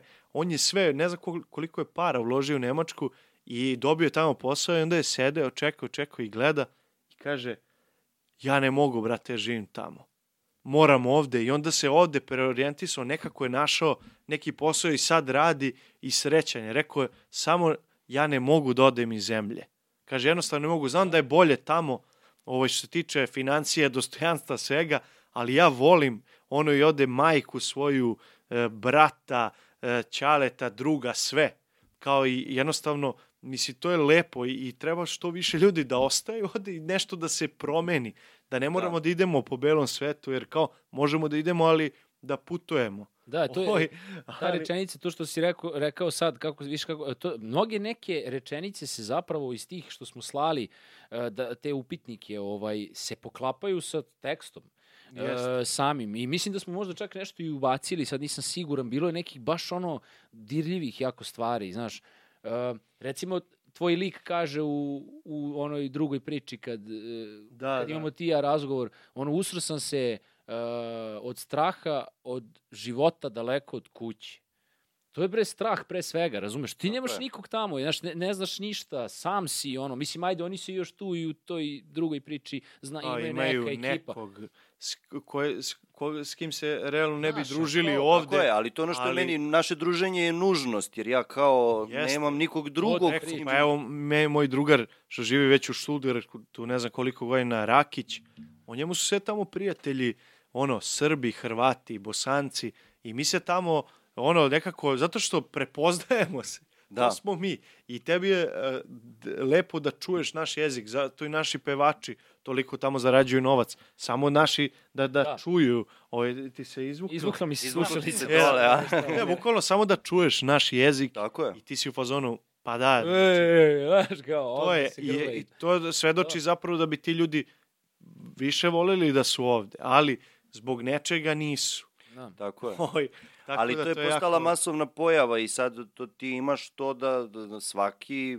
peti stanovnik Srbije, ako nije zapalio, ima nameru da zapali i radi na tome. Da, da, da. Jeste, kako ne. Znači, ja bi e, možda isto, isto zapalio da nisam glumac, jer kao ja sam razmišljao, sad sam bio u- u Berlinu preko leta, ovaj, ja sam tamo gledao, tamo je na svakom koraku pozorište, Da. kultura snima se, ludilo je, stvarno ulažu u, u taj grad je toliko je opušten, i onako za jednog umetnika, glumca, e, bukvalno idealno mesto. Ali ja razmišljam kako ja sad tamo sa, nikad ne, ne mogu da pričam taj izvorni nemački. Da. Ne može, i onda ćete e, svrstati u neku drugu kategoriju, ko, ko naše glumce u inostranstvo, glumiš e, sa Balkana zlikovce. Da. I to je... Rusi kao- 1, 2, 3. Da, Rus, Ukrajinac, Bugarin. Da. Ovo još onda i promene imena. To mi je rekao ovaj drugar Pavle, on je dobio neku ponudu u francuskoj seriji da igra nekog, e, šta je, su rekli, nek, da li crnogorac e, kao kriminalac, ali zove se Juri kao nešto. Kaže, Mislim, pa da. ljudi, jeste vi normalni? Juri je rusko ne ime. postoje, kao, ma dobro, to je sve isto. I on je odbio ulogu, kao, neću ja predstavljam ovaj, e, nas u lošem svetlu. Ali jebi ga, tako, tako Pa to je nas ono čak i. Dragan Mićanović kada je bio recimo u Londonu, on ima u nekom velikom filmu ulogu gde igra kriminalca nekog sa Balkana, Pa, Rade Šerbeđija. Jeste, pa uglavnom naši preko svi igraju negativce te sa Balkana ili iz Rusije ili ne znam da li je iko igrao nekog ko je kao uloga, ono, neki Amerikanac ili šta god, nego Da. ograničavaju nas zbog e, jezika. No. Tako da kao glumac misli da baš onako nije nije dobro otići. E, eto, njega i pominjemo u predstavi Đorđe Đurička. Da. Ovaj, kao, kad pita jeste li sreo nekog, to je bilo tad e, dosta aktuelno. Jer on je tek je otišao izašao. bio, od Da. prilike. On je tek tad otišao u inostranstvo, Ovaj, I kao, u predstavi si sreo nekog u, u Americi, jesam Đurička. Da jesi vidio nekog, jesi vidio nekog uh, poznatog? Da, da, da. da. Ja sam i Đurička. Da, to je... Ja, ali to je zapravo to je istina, toliko je, tužno. Je tužno. Da. To je kao smešno je, ali je tužno, jer ti vidiš kao neke naše najveće glumačke zvezde odlaze. Tako je. Mislim, Đuričko koji ima iza sebe takvu karijeru, fil, takve kil, filmove, takve predstave iza sebe, ne samo oni glumio... Takve uloge... E, on ovaj, je inače igrao u Jugoslovenskom dranskom, a, u Beogradskoj trilogiji. Da. Tako je. Pre igrao. nas, on je igrao, ja mislim, Miću, mlađeg brata Da, Kićinog. da. Ovaj, a, a Ali Kiću vidiš- je igrao Dragan Jovanović. Ovo ja sad igram. Zbog tog nekog, da kažem, uh, uh, ne znam sad, znaš, kao, ne mogu da kažem koji su sve tačno njegovi razlozi, ali svima nam je, ja mislim, jasno zašto je on otišao i kao, ali to što, to što kažeš, takve uloge koje je on igrao, to su uglavnom sve glavne uloge, uglavnom Tako su naši jake Jeste, uloge. ono, za poželiti neki naslovi, karijera. Znaš, kao, stvarno divna, on je ovako zamenio to za nekog Rusa, lupam tamo i Dobro, to spreman je, je on sjajno uradio. kažem, ali ne, Ne, velik, to je sjajno je on to uradio, da, ali da. on je u fazonu, uh, kako ti kažem, Za ne već. mogu. Za Da, ovaj, zbog ovog bezobrazluka i ovog ovde, ja ću pre tamo igrati nešto manje. Da. Razumeš? I šta god- Što je, što je, s jedne strane, znaš, kada toliko prođeš, toliko stvari istrpiš, ovaj, ja mislim da je okej. Pa ja mislim da Znaš, je on kao- pričao negde da kao kada su ljudi googlali njegovo ime i prezime i kada su videli šta je čovek snimao, on, oni su govorili da ne postoji osoba u Americi koja je imao kažem, filmova iza Jeste, sebe. Imamo stvarno sjajne glumce. Sjajne, To je Da. ludilo, ja ne znam ko ima toliko dobrih glumaca kao u. Srbiji. Da. To je ludilo. Evo i sad, Evo sad, ono, pomenemo e, pokojnog Žarka Lauševića. da, ko To je to napustio nas. Ovaj, on je isto jedan fenomenalni glumac, zapravo njemu je oduzet deo karijere, Tako ali on je jedna svetska faca. Ali stvarno, Bukvalno, kad, kad bukvalno. bi pogledao te filmove od ranije, njegov lik, izraz, sve to, to je ludilo, to je sve, hollywoodski glumac. Tako je. Bukvalno. Pa je onda po, pokojni. Nebojša Glogovac. Da. Pokojni, To je, mislim, ono, njegove uloge od Huddersfielda, Klopke, pa ne znam, Ne, Ustav Republike Hrvatske, mislim, to su takvi šareniši, ta, to je čovjek koga ne možeš da staviš u Da, okvir. ubistvo s predom. Ubistvo s predomišlja. Ne, on je je- jedan možda od, od omiljenih. Ludilo, njegovih ludilo glumac, ali- mislim, on je nama svima uvek bio uzor. I on je. i Lauš, mislim, to je stvarno, ne znam, ne, ne znam da li ćemo takve glumce videti. Da, on- meni je to žao. Ali- Što nisam, na primjer, imao priliku sa Glogovcem da igram. To je svima nama bila želja. Jest. Kao je jednog dana da igram sa Glogovcem E, nešto. pa mi smo svi hteli da budemo on, šta ti je? Jeste, Znaš, kao, je. O, ja, to je divno, ali to je, imao sam... Mislim, baš ono jedan od, od naj, najvećih uzora ikad. Ono. Tako je. Ja se I sećam... znaš šta je, znaš šta je to, izvini samo što prekaj, znaš šta je to jako zanimljivo, što ti kad gledaš njega, on te uči kako treba da se ophodiš prema, prema kameri, prema, na sceni, znaš. Jeste, i svi kažu da je on bio divan kolega. Ovo, Da. To mi je e, skoro pričao e, kolega isto koji je divan glumac, kolega Radovan Vujović. On je e, ludilo. Ovo, i mislim da će on biti jedan od tih Ja velikana. se sećam Je. scene iz uh, Korena, kada, Đo, uh, ka- kada Laušević, uh, Radovan i ovaj uh, Igor Đorđević sede u sobi gde se Žarko Laušević odriče svog sina. Ta scena je... Jeste, ali on je to i rekao, kaže, za Glogovce, kaže, ali on je čovek koji mi nikad nije rekao na sceni, e, nemoj to da radiš, e, nemoj ovo, smeta mi, ne. Kaže, on je prisutan, on te sluša, on je, on je tu i divan kolega. Tako da, a, mi moramo to da širimo dalje. Jeste. Da, znači, da, da sistem, mi budemo divne kolege, da, da, da podržavamo, da slušamo, da reagujemo i to je baš divno. Vraćamo se na početak priče. Jeste, bukvalno, ali bukvalno to je to tako. Je, to je srž, ono. I imao sam sreću, ja sam uh, upoznao Žarka Lušića, snimali smo zajedno ovaj film, uh, zapravo seriju kod Radoša Bajića, e, po ovih heroji Halijarda, ali zvaće se uh, va, Vazdušni most. Da. I moj prvi snimajući dan je e, snimanje sa Lauševićem. Ja sad sedim tamo i samo e, ljudi kažu sad će dođe Žarko. I sad svi ono nekako kad e, treba dođe Žarko ko da dolazi, znaš, nekako je Otac glume. Da, ali to je Da. toliki autoritet z, z, zato što je imao takvu karijeru. Samo on dolazi, je bila neka vrućina, sve, i mi stojimo, tu i sad imaju neke stolice, ono njemu piše Žarko Laušević, ja nemam svoje stolice, ali kao, i sve to, i tu neke žene, i samo Žarko stoji, ovako kaže, sedite vi. Oni kao, ne, ne, ne, kao, ne, ne, ne, sedite vi, meni kaže, sedi, on je čovjek koji je jednostavno bio šmeker. Tako je. I posle u kadru nema, on, on prisutan, on je, on je tu i toliko me je opustio, mi to kad smo snimili, jedva čekam da vidim. Ovaj, tako da, da, bio je divan kolega i posle godinu dana ja sam ga sreo opet, sedim ja i vidim on se pojavlja, ja mislio šta on mene ni ne zna, snimali smo jedan, dva dana. I on me samo pogledao i rekao, o, pa desi ti, pružio mi ruku, kao, kako si, jel opet snimaš? Ovo, ja kažem, da, kao, i posle gledam, kao, koliko je njemu zapravo mozak radi, koliko je bio dobar prema kolegama, zato su ga svi voleli, jer je jednostavno imao to što smo pričali, slušao je, bio je prisutan i reagovao na tebe i onda se dešavala Da. stalno ta interakcija.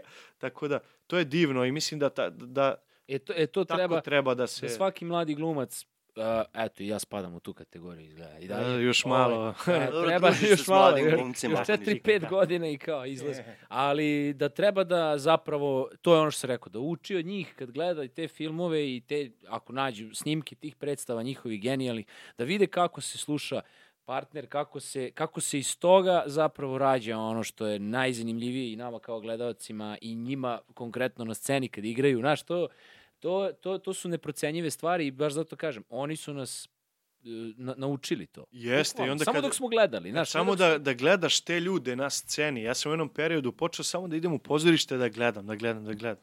I onda smo, e, naravno, mi imamo tu nesreću što su, eto, ti velikani neki otišli prerano i glogac, ali mogli smo da ih pogledamo. A ove mlađe generacije neće moći. Tako je. Ovaj, i, ali tu postoje neki dokumenti, na primjer predstava snimljene. To, je, Da, to da. je divno. Da. Ovo je, mada ne može to isto da se doživi kad gledaš i uživo i kada gledaš Da. snimak, ali ja sam skoro gledao pre, pre ovaj, snimak Šina. E, ja Ja sam čuvene to... predstave je. u JDP-u gde igra i Đuričko i Glogovac i Sergej Sergej, Trifunović, Marinko Mačga, Marinko Mačgalj, pokojni Boris divan, uh, Ivan ili Glumac. Vojević, Ili Vojević. e, Šone, Šo- dakle. Milanović i Jelena... Jelena Đokić. Đokić, koje- tako je. to je, ja kad sam gledao njih koji reaguju tako je- jedni na druge, to je ludilo. Kako se kod njih dešava ta... Oni nemaju ništa na sceni, A oni to imaju je- jedan sto i stolicu. ali Tako je. toliki šarm oni posjeduju. To je strašno.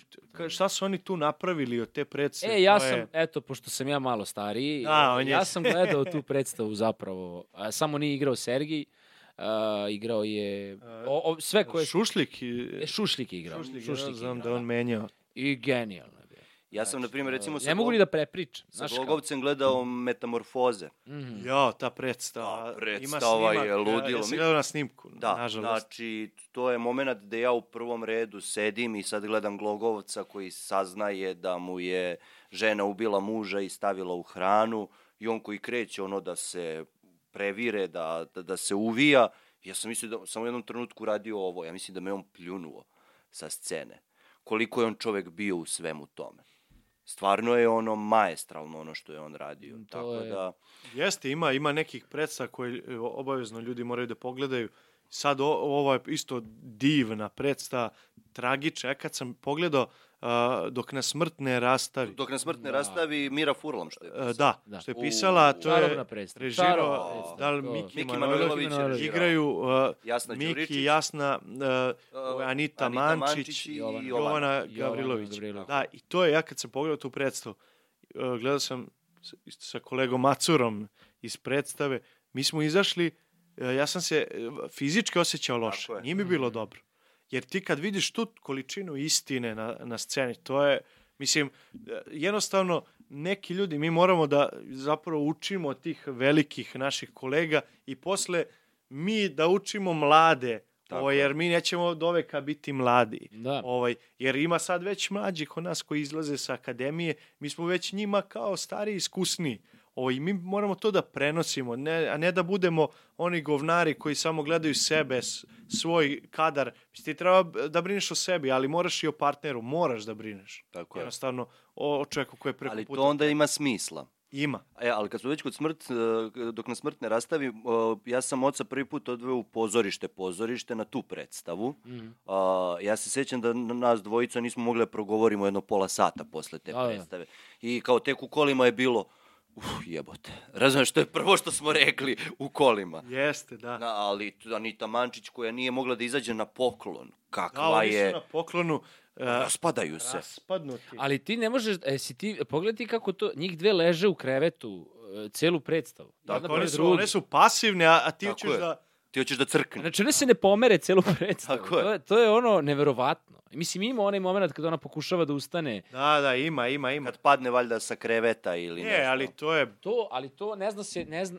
A to je već ne moment kada to više... Ja naježio se. Kod njih Pa da. to nije ni gluma, to je jednostavno ti gledaš život. Tako Živo. je. To kad se desi na sceni, e, to i prepozna publika. Kad se desi život neki, to je onda predstava koja je iznad kao obične neke predstave koje eto kao tu se odigra jer se nekad i prave predstave čisto kao Tako ljudi pokušaju nešto novo, nešto i nekad se ne, ne desi taj e, kao to nešto što je što izdvoji tu predstavu. Ali ja se nadam da da mi polako ulazimo u to. Ja bih voleo E, da pa- se da se što e, to Tako je. primećujem iz igranja u igranje ovo Beogradske trilogije da se dešava sve više neki život. Tako je. I to je divno. Dao si mi sad dobar šlagvord, evo ja kad sam gledao recimo prvu scenu između Miloša i tebe, uh, sad ta scena na početku ima dosta tog komičnog Jeste, momenta. to je tako i napisano. Da, ali t, samim tim što je to komično, jer je napravljeno tako da bude komično, to potvrđuje da je životno, da se ljudi prepoznaju u svemu tome što vi govorite i u tim dilemama. To je u suštini jedna tragična scena.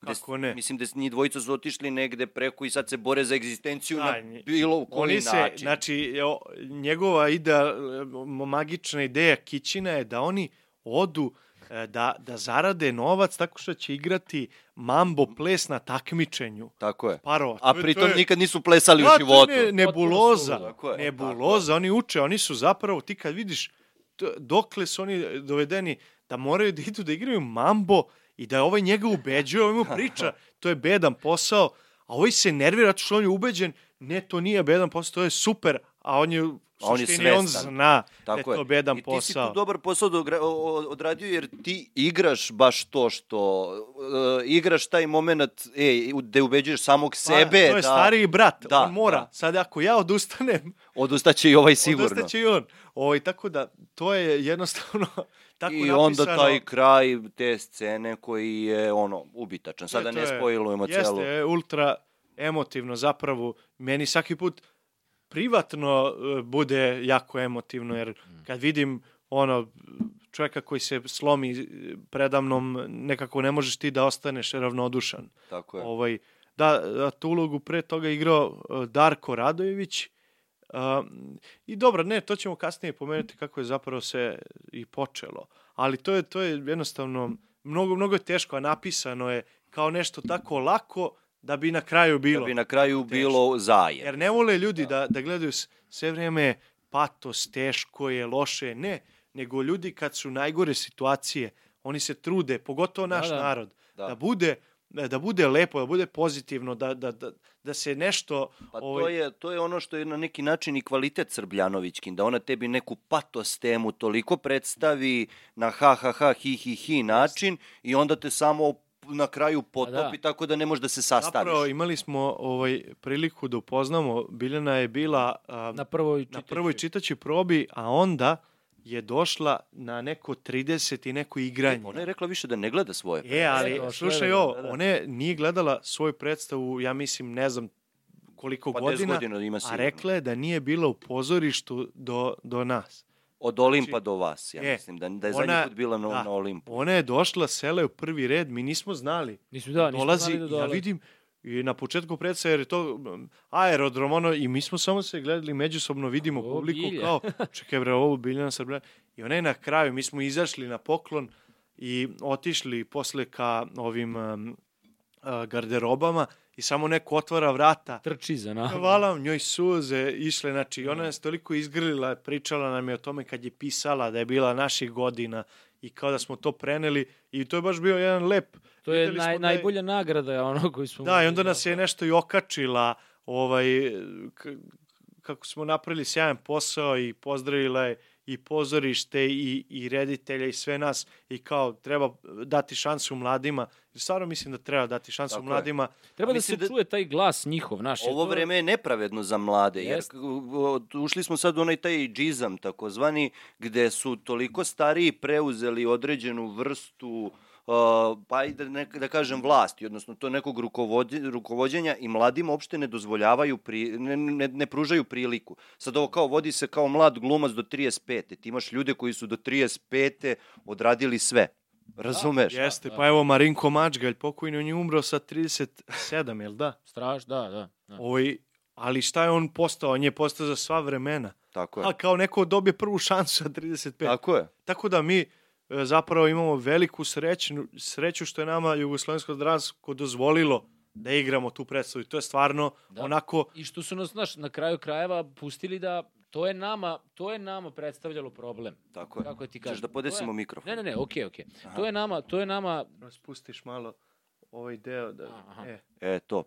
to, to je nama, to je za nas bio problem. Razumeš, kao nešto što, što nas boli i da, smeta naša nam. priča, naše I generacije. nepravda je, naš, velika, stvarno. Jer kao i, pa evo te koliko puta smo ti i ja razmišljali kao, idemo, bre. Da, da, kao, Idem praći sudove, naš. A rekli smo, on je čak e, da, za vreme, smo radili Beogradsku trilogiju, aplicirao za vizu. To jest ne za vizu, nego za onaj Za jednu e, kartu američku. green card, ona lutrija. Dva puta Da. sam aplicirao za... Slikao se nešto, rekao mi, bato, ja, ja moram da Ako dobijem, ja ću ti, znaš, bu, bukvalno sam bio u tom fazonu i kako kažem, nama je bilo važno da se čuje šta je to što je, mislim, to je jedan od gomile problema, ali da kažemo, to, to je suština.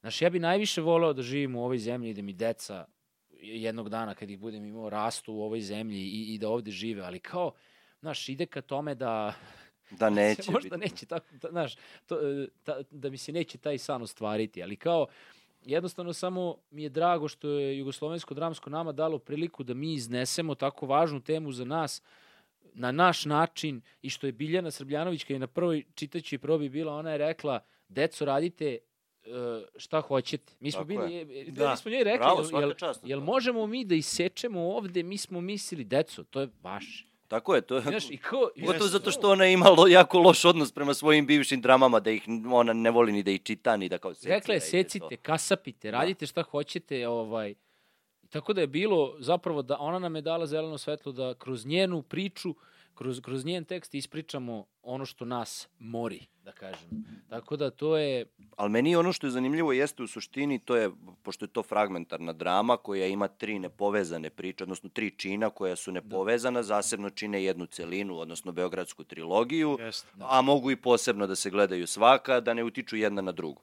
I sad meni način na koji ste vi to spojili je fantastičan, jer to je ono što je važno, jer kad im dođeš do te situacije da ne možeš, da, da moraš da povežeš, to ti, taj Jeste, tranzicija zapravo ti igra... mi smo izbacili to kako je povezala Biljana.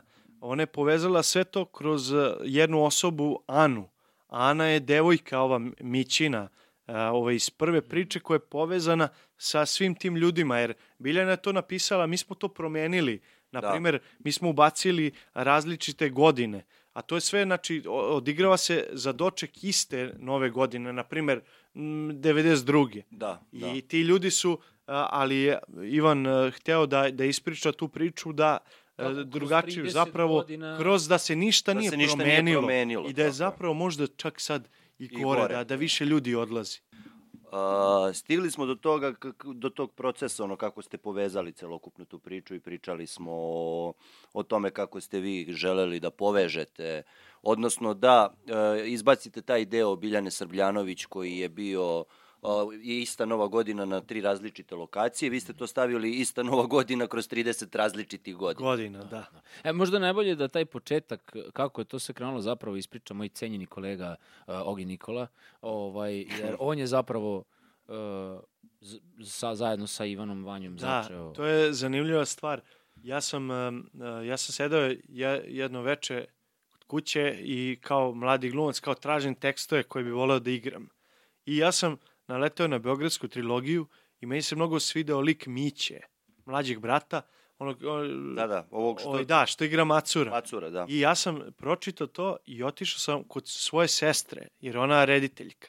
Ovaj, na, Nataša, ona je režirala Gubitnika. Da, da, Ovaj, fenomenalno. Da, da, to da. treba da pogledate. Oj da, ja sam njoj rekao, ajde molim te, režiraj ovo i zove me da igram Miću i kao voleo bi da to da se igra u JDP-u. I ona rekla, ma ne, kao ne bi ja to radila, vamo, tamo, šta to, to se radilo ranije.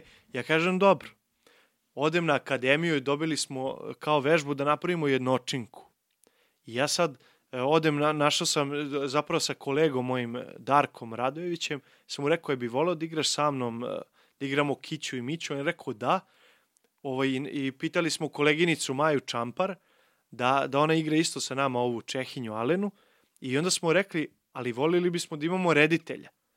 Onda smo dali tekst uh, Ivanu Vanji Alaču i, i on se oduševio. Kaže, on je uh, sedeo kod kuće i, i plakao je, jer ga je mnogo odradio taj tekst emotivno i mi smo tad krenuli da radimo na Da. tome. I na kraju mi smo toga napravili jednočinku, samo ta uh, prva priča i dosta smo i ubacili nekih monologa zapravo, uh, to nije napisala Biljana. I, I onda smo e, krenuli da igramo tu predstavu. I bilo je jako popularna, to smo igrali u pozorištu Promena, Novi Sad, to, to je okviru akademije. Pozorište u okviru našeg fakulteta. Da. Da. I to vole da dolazi narod iz Novog Sada da, da to gleda. I Tu onda ima smo- isto, samo, izvini se što se ubacujem, ima dobrih predstava. Ovaj, Bilo je ono jedno vreme goz, nije gozba, kao zove ono što je Lješević režirao sa svojom prošlom klasom. A, ovaj proslava. Proslava, On je, na primjer, tri zime. Tri zime je e, odatle. da. Tri zime je pobednik e, Jugoslovenskog pozorišnog festivala u Užicu, gde su bila profesionalna pozorišta. Da. pre nekoliko godina. Tako da to svedoči zapravo kvalitetne predstave se rađaju tamo u promeni. Da. I da, i mi smo to tamo igrali i onda smo hteli kao da negde gostujemo. Onda smo jednom gostovali u Parobrodu u Beogradu i ljudi su se oduševili, dopalo im se sad. I onda smo mi kao tražili gde ćemo sad, šta ćemo, voleli bismo, pa zovemo jedno pozorište, drugo, svi nas odbijaju. E, čak je, i u jednom trenutku ja sam pozvao, dobio sam broj od nekog upravnika, zvao sam ga iz Vojvodine i kao, e, bismo mogli samo da vam predstavimo, on kaže, da, da, da, zovem za 10 minuta. I nikad se naravno nije javio. I onda ja tako iz očajanja kažem, Alaču, brate, ajde, e, pošalji to jugoslovenskom dramskom. On kao, jeste, da, on, oni će baš nas. Ja kažem, pa hoće, što ne bi, brate, taj tekst igrao ranije, to i treba bude u Beogradu, Beogradska trilogija, to je, i on kao, pa dobro, iskreno nemamo šta da izgubimo, šta, Tako. ajde da gostujemo tamo. I ovaj, e, on pošalje tekst i samo on meni kaže, meni su odgovorili. Ja kažem, ko ti bre odgovorio? Jugoslovensko dramsko. Kaže, ne zajebaj.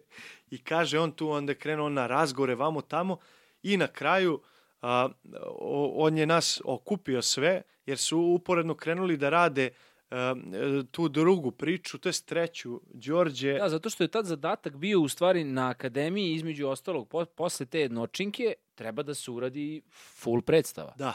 I onda je, onda je Alač došao i pitao me uh, da li bi ti, Đorđe, želeo da igraš u trećoj priči glumca. I ja sam bio naravno. Pogotovo što sam ja i s njim u toku akademije nešto, neke scene smo radili, uvijek je bilo zabavno, bilo ovako, onako, naravno da hoću.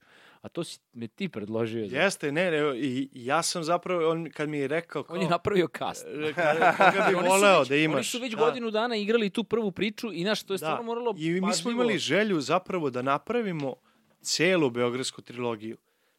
Ovaj, I onda je on e, nastavio sa tim i eto, e, rekao kao šta misliš glumca kod igra, kažem Đole, brate, to je ono, igraće Đole, ne znam, tad je on izabrao Nikolinu i bio je Nenad Popović, možda ga znate iz klana, on je igrao ono Krlet. Aha, Aj, dobro. Da. da, ovaj, i on je prvo to On je igrao, On je trebalo igrati to jest on je, on je trebao da igra Dačo, što igra Miloš. Macura. Da, da. E, i ovaj i sad e, Alač e, je već išao na neke razgovore u jugoslovensko dramsko i mi sad ko šta se dešava, brate, ne pričaš nam i on nam kaže zna, znate kako, sad sam bio, meni su oni rekli da ja mogu da režiram predstavu tamo, ali sa njihovim glumcima. Ovaj, a vi a, recite mi a, kao da li vi želite da ja odem u jugoslovensko dramsko da režiram ili da mi to uzmemo da napravimo negde da igramo u promeni ili negde neki alternativni prostori i mi smo se gledali onako kao ne možeš nekom da, da ne dozvoliš da režira. režira da To je bukvalno početak njegove Da, i mi smo rekli, brate, karijere. Kao. režiraj tamo.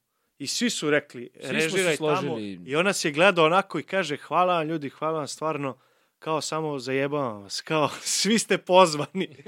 Tako da oni su njemu rekli, režiraš celu predstavu, neće biti gostovanja ove prve priče, nego hoćemo da režiraš celu predstavu. Su oni tad hteli da, da se malo aktivira ta mala scena, da, da režiraju mladi ljudi i hteli su taj tekst da rade godinama, ali niko im nije došao sa tom ponudom. Jer se tad, tad Da. igrao samo moj muž i ja mislim... Ne, ne, ne, e, e, na maloj zapravo sceni. tad je e, izašla, moj muž je izašao Tek posle korone. neposredno pre naše predstave. Da. Znači, možda dve nedelje pre. Da, znači samo ste se vi igrali i moj muž, jer igrali Jeste, su pre da, da. toga Natan, Igrao se Natan Natan Mudri, da, da. Mudri, Natan Mudri. I ove gostujuće koji nisu njihove, na primjer, dok nas smrt ne razdvoji i to. A, tako da... ovi- Znaš kao, ja sad razmišljam s te, recimo, njihove strane kako je to izgledalo, ako su oni hteli dugo da rade taj tekst, zašto se niko nije javljao, mislim, zašto niko nije zapravo imao hrabrosti da uradi taj tekst? Pa, Jer to je bila jako popularna predstava 90. Jeste, bila najpopularnija. Da. Svet sa tom predstavom. Oni su išli, ja sam čuo da su išli u Chicago, igrali su je, Pa jeste, svuda po samo svetu. kad vidiš ko je sve igrao. ko je sve igrao? Đuričko, Gagi, Jovanović, Diklić, e, sad upravnica Tamara Vučković, Goran Šušljik, Da. a, ne znam ko je... Bojan Dimitrijević, Bojan koji je igrao Dimitrijević glumca. je igrao glumca, Neša Milovanović igrao Daču, kaže, to mu je prva uloga, ovaj, e, posle toga su ga primili i igrao je još neke predstave, primili su ga u Jugoslovensku dransku, Da. to im je kultna predstava. Znaš, i kao sad verovatno- neko treba da se uhvati u koštac sa tim pritiskom u smislu kao, Jeste, da. kao, ko će, gde ja To da režiram ono, sad to? tako Gde je. ja da kao igram što to ovim sad, znaš? e, kao lepim ženama kao ne smeju priđu muškarci jer kao Da. ona je previše dobra za mene tako isto kao To, to. za Tako. JDP kao ne smemo mi njima da priđemo jer oni su ali mislim da treba priđeš Treba da probaš, jer ako... pokazuješ hrabrost i onda ćeš možda dobiti povratnu informaciju možda nećeš ali šta je najgore što može se desiti da, te budeš odbije. odbijen Tako. Mislim, kol, koliko puta smo bili odbijeni, ja ne znam Tako koliko je. sam castinga samo radio u životu I- na kojima sam bio odbijen. I kao šta sad, ja ću da crknem, ne, brate, idemo dalje. Idemo dalje. Tako da, tad se to desilo za trilogiju, pozvani smo i onda je Ja krenula se sećam samo, je, korona. Izvini samo što E, te prekida, e. sećam se samo jednog momenta to kad je Alač rekao za to da je dobio da on režira sa drugim glumcima i kad su mi to njemu rekli, on je zaplakao, ja se to sećam. Kaže, mnogo ste me dirnuli ovaj, što me podržavate. On je Stvarno, Jeste. bilo je onako baš jedan stravan Jer nas je moment. držao malo u, u, u tom, ne znaju, čutao je neko Da. vreme i onda je rekao, jebem vas. Da, da, da. I on se stvarno. Da, da, da. Ali, ali taj moment isto, generalno, Alač, što ću sad da otkrijem za njega, on voli da ima te kao neke, ej, bato, smislio sam nešto za, za tebe, za treću. Da, ima i ono mistiku. I sad Ne- ja kažem, ja kažem, ti pa šta si smislio, znaš, treba da uradim? Vidjet ćeš. Za tri dana ću da ti pokažem. I, kao, znaš, I ode. I ja sam u fazonu, "O, to ja treba da odigram, znaš, kao. I onda, onda mi dođe tri dana, si video, a? Znaš, nešto sa svetlom. je Ali eto i on sad je dobio priliku uh, da režira u Narodnom pozorištu Sombor. Režiraće, Da. i premijera će izaći možda čak i pre nego... Pre podcasta. podcasta, da, da, ali režira tamo sa ono prvacima njihovim. Da. Da. Stvarno, I to moramo da ozbiljno, ljudi od napomenemo. Voska, Mate Matišić, tako da mislim da će to biti Isto da sjajno. napomenemo njegove neke predstave koje bi Jeste, jer trebalo on je jako pogledati. talentovan reditelj. Nešto je naš drugari što smo mi počeli sa njim. Baš je je stvarno talentovan, talentovan jer hoće da te čuje. I daje prostora glumcima da naš ono donose svoje uh, on kreira Da, svoje od, na osnovu toga, naš, zajedno radimo, zajedno smo u svemu I onaj to je- reditelj koji će ti reći ne, ne, o, ono što sam ja smislio, Da, da. to je tako. Da. Ne, nego stvarno mislim da je divno raditi sa takvim rediteljima. Da, da. Jer, jer ono, imaš osjećaj kao da zajedno stvarno gradite nešto sve vreme. Znači, nema tu sad ono, ej, ja sam zaslužan za ovo ili on zaslužan za ovo, nego ne. Mi smo sad celi, nas, evo rad kad smo radili Šekspira, to je bilo isto.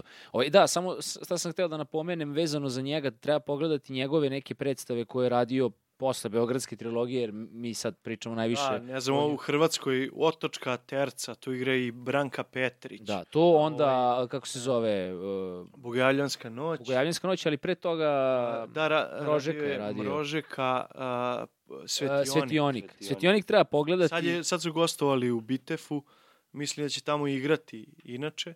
E, Stvar je što koliko god, eto i taj svetionik je ono, ja sam plakao od smeha sve. Jeste. Znači ja, se, ja, ja nisam mogao da izdržim u jednom trenutku, mislio sam da sam već ono, toliko sam se smejao da sam mislio da će neko me izbaci ono, iz, iz pozorišta, ali poenta je što i u tome opet imaš neku poentu na kraju koja Da, je, nije znaš, to samo- ni- nije to sad... e, i On voli da voli da ima taj- da ima taj emotivni deo i to prepoznavanje sa nekom situacijom i koja je životom. danas važna, Koja je da, danas koja je aktuelna. I zato treba ono i, i, i, mnogo je mnogo misli o tome što radi, tako da dosta smo ga hvalili. Da, jeste. Da, ja- više, pogledajte inače- predstave. Ali inače jako loš čovek. I,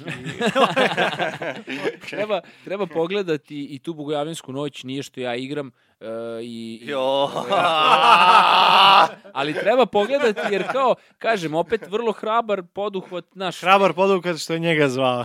Tako je, tako je. Ne, nego hra, hrabar, po, uh, hrabar potez za nekog mladog reditelja da se uhvati u koštac sa Šekspirom, pet činova. Da, to je baš... Da. Znaš, da je ono kad čitaš malo, to sve arhaično. To, Da radiš pritom, sa 10 glumaca, to je haos. pri- pritom Pritom piše- raditi da Šekspira ima danas kada je sve već Tako odrađeno i Znaš- pokušati to da savremenizuješ, to je pa Tako je, i Jeste, tu da. je uspeo da provuče dobru temu kroz sve to i bavi se opet nekom, ne, ne, nekom bitnom, uh, bitnom stvari danas i kako da kažem, uh, mislim da ima više od 10 glumaca, Pa ima, nisam da. siguran, da, Ali... i band i svašta. Da, i, i, znaš, i, i da svedeš da jedan Šekspir koji traje generalno, mi kad smo prvi put ono odigrali, imali taj progon, to je trajalo dva i po sata.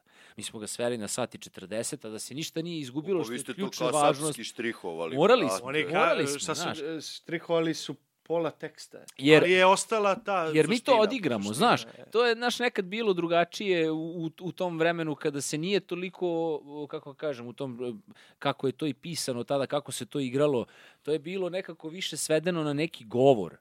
Znaš, i, kao, i onda se mnogo priča i mnogo se objašnjava, i onda smo mi, pa što sad ovo? Pa odigraj je. Hajde da ga odigramo, da znaš. I onda, i Uvijek onda je bolje i da se sve, odigra. i sve je pretvoreno u to. Tako da je jako, jako e, zabavno to i kažem opet hrabar potez da jedan mlad reditelj koji je eto skoro završio, odnosno kad i mi se uhvati u koštac sa Šekspirom i to je velika odgovornost. I pritom moram da napomenem imali smo samo mesec dana e, da, da to uradi. Znaš, O, svaka Da, čast. to je... sam ti taj pritisak kao jebote, ja sam glumac koji ima 29 godina, ovaj, uskoro 30, ali ne izgledam tako, koji kako ovaj, zato što ideš u teretanu. tako da. je da, ali, ja sam kao, skoro počeo, tako da... A krenuo si ti ali, u teretanu. A da, čekaj, evo, čekaj da ne ostane na ovom. Da ne ostane na ovom, nisam to hteo da kažem. Kažem, ja sam osjećao pritisak što igram u Šekspirovom komadu, a mogu da zamislim njega koji to se treba da ono... Da, da se... Spoji. Znaš, tako da... Tako da Njega će na kraju pogledati. pljuvati. Ako je Tako loše. je, tako je, tako je. Ne, ne, glumci nisu dobro vođeni. Pa da. Da. Vi uvek možete na to da se izvučete režije. Ako, ovo, ako loše odigramo, kažemo, brate, ovaj ne zna, režira čovjek se nešto tripovo. A ako smo dobri, kao, to je zbog nas. Tako je. je. To E, sam to ja sam ja smislio, to- da, to- da. to- kao, ma, moja brate, on ne bi znao ne. to. Ali za trilogiju i u početku, zapravo, cijela ekipa je drugačije izgledala. Da. U prvoj priči nije igrao ni Miloš, ni Lenka, nego Da. je igrala Maja Čampar i Darko Radojević. I Maja je imala tad u tom trenutku neka snimanja, nešto i, i bila je hitno premijera, e, morala da se desi i tako da, da je ona na kraju morala da izađe To je, to kasnije. je splet silnih Jeste okolnosti i bio, Darko, zato što... i to je stvarno tužno. E, Kao radiš sa nekim, mi smo to počeli zajedno. Ja sam ostao sam. Nisam e, kao više imao svog brata e, iz predstave, e, Miću, jer je on otišao. Ali tu su zamenili ti ljudi koji su sjajni. Tako. Miloš Macura i Lenka, jer za Lenku smo svi. E, svi smo, kada, čak i Maja je rekla, jer je Maja planirala da, da se preseli nešto još ranije u, u Francusku. Tako nešto, nisam siguran. Ona je rekla, ako ja se budem preselila, volela bi da umjesto mene igra Lenka. A Lenka jedina nije sa naše klase, ona je završila u Beogradu Da. i ona je sad nas doželjava, ona e, kaže, ja vas doživljam kao neku drugu klasu. Kaže, mnogo vas volim i mi smo nju zavoleli i Lenka je, mislim, jedna iskreno od najtalentovanijih mladih glumica. Ona će biti e, velika Koje glumica. je ono godište? E, 97. Da, da, znači Ovaj- ne malo mlađa od vas. Da. Pa od mene godinu dana Đoleta tri.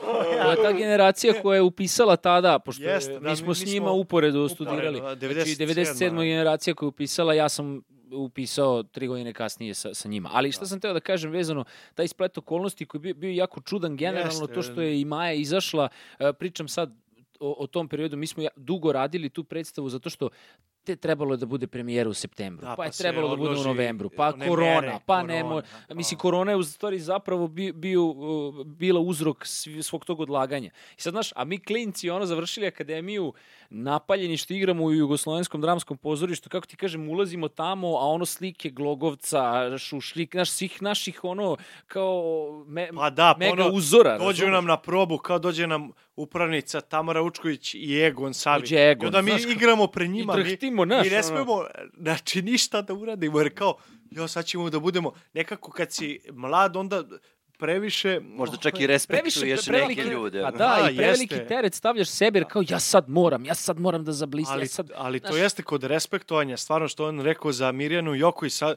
kao on, on igra u sceni i mora nju da seče, da ispituje. Tako ja isto igram, uh, posle sam dobio šansu da igram u Boris Schneideru kod Egona Savina u Jugoslovenskom dramskom im, imam jednu scenu na kraju. Komada, zatvara se predstava tako što ja uh, sudim uh, Nenadu Jezdiću. Ja ga ispitujem i treba budem jako prema njemu i drčam bezobrazno da ga seče vamo tamo, a kad smo to probali, jako sedi na probi i ja nekako njega sam doživljavao kao preveliki autoritet. Ja sad kao odjednom igram sa Jezdićem, Da, da. kao, ja sad tu ne smijem ništa da mu kažem. To, to stoje, ja mu kažem, da, da, dobro, ne možete, sednete ovog, kaže, dobro, sine, ti si, jako si fin, dečko. Iz, Hvala, svaka čast na vaspitanju. Ali ugrizi malo. kaže, slobodno me, bre, kao, seci me, teraj me, kao, baš mi je onako prišao drugarski, kaže, slobodno me, nemoj da se opšte, to je, ti si dobar dečko, fin, kao meni, slobodno mi je, jebi mater, kao na Da. sceni. Jer tako da, i onda mi je postalo to posle zabavno, osladilo mi se, kao, Za sad se navikao. Samo, samo sad da ubacujem. Kao, još da ti sad kao, skloni se, ajde, sedi tamo, ćoš. Da. Ali to kao, sam- dobit će jednom batine, ali...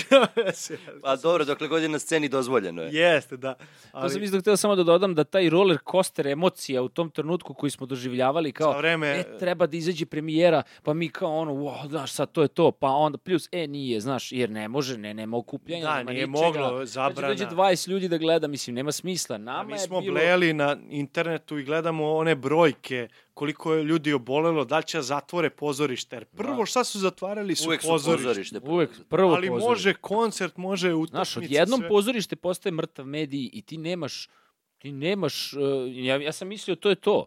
Pa šta ću ja da radim? Ali, ali koliko se pozorište malo te ne se izdiglo, što bi rekli Jeste. pepela, govori o tome kada, da nikad pozorište nije bilo posećenije. Bar koliko ga ja dugo Ajde ljudima falilo, znaš, valjda im kažu je ljudi, nedostajalo, ne znam. ako je e, pozorište preživelo e, i televiziju, preživeće i koronu i Tako je. Tako je. sve će preživeti. Znači, ja se sećam, to su bili redovi ispred Jugoslovenskog dramskog pozorišta. To su bile takve gužve da ti, ja na primjer za Edipa nisam mogu preko godinu dana da nađem kartu. Da, Jeste, da, pa evo i danas, sad smo gledali ovo, krenula je prodaja danas pre nekoliko sati. U jedan kreću. Da, ovaj, krenula je prodaja karata i videli smo da je ostalo, ne znam, za trilogiju 20. Znači, prodalo se odmah, nema tu. Evo sad je ovaj, koliko? To je Pet sad sati. kad bismo ušli možda i rasprat. Ovaj, ali to je divno jer kao publika želi da dolazi. Da, Znači, to je samo e, pitanje šta ti plasiraš ljudima. Jest. Oni će to gledati. I ako čuju E, da je da. nešto dobro, oni će e, to sam baš sad, baš drago mi što si to spomenuo. Ja sam uh, imao razgovor sa Mirjanom Joković na snimanju poziva baš o tome, pošto ona, uh, žena ne živi ovde i postavila je pitanje, mislim da je i Nada Šargin učestvovala u tom razgovoru, sedeli smo, neka pauza je bila i postavila je to pitanje kao šta se gleda ovih dana, šta je, šta je popularno. I sad, Zovi, kako? Zovi, E, koga? Mirjan. Ne, ne, ne. Da nas gleda. A, e, a to da, to ako, da. E, rekla je da, da, rekla je inače Mirjana da je tu sad neko vreme, pa možda i možemo Super, da dođemo do nje. Ovaj, u svakom slučaju, uh, bilo je to kao, pa ne znam, igra sudbine i tako dalje, to je sad najpopularnije. Ja sam izgovorio samo, verovatno ne znajući, mislim, nisam čak ni razmišljao o tome na taj način.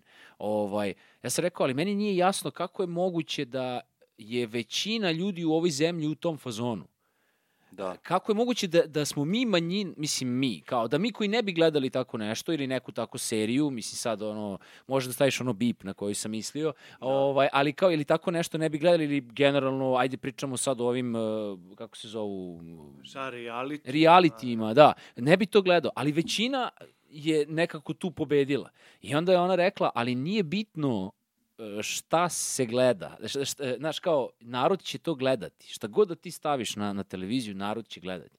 Meni je. je, meni je pričao deda da je u jednom trenutku bio ono popularan boks.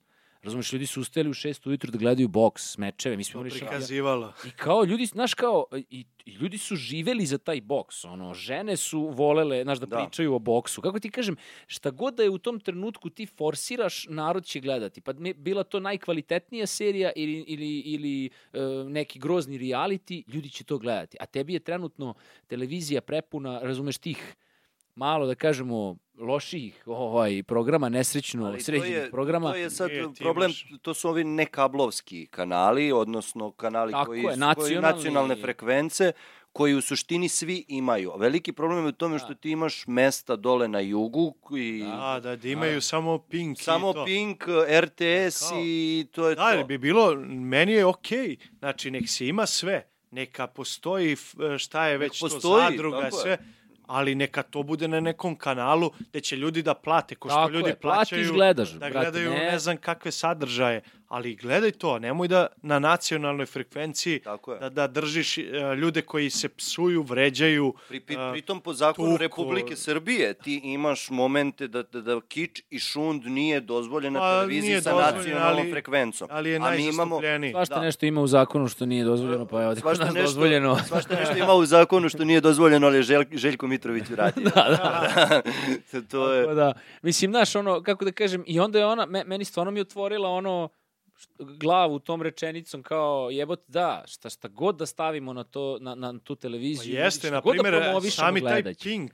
Pink je nekad imao sjajan program. Da, Ja kad se setim, oni su imali, smo mi bili klinci iz Simpsona, oni su napravili Ljubav, navika, panika, to je na Tako je, najboljih to je naš sitcoma. najbolji sitkom. Kao i Pink je imao dobar, jedino što su imali je Grand, ali Grand, eh, ono, narodno veselje, to, To su ljudi gledali. kontrolisano, ali to je bilo, jebote, znaš, eh, bilo je tako okej, čak, Kulturno, znaš, ja. Najvulgarnije su bile one balerine što u pozadini Jeste, ali- ali- je ali i one vulga- nisu bile vulgarno, vulgarne, Tako da. Bukvalno, i onda je posle toga samo krenuo neki sunovrat.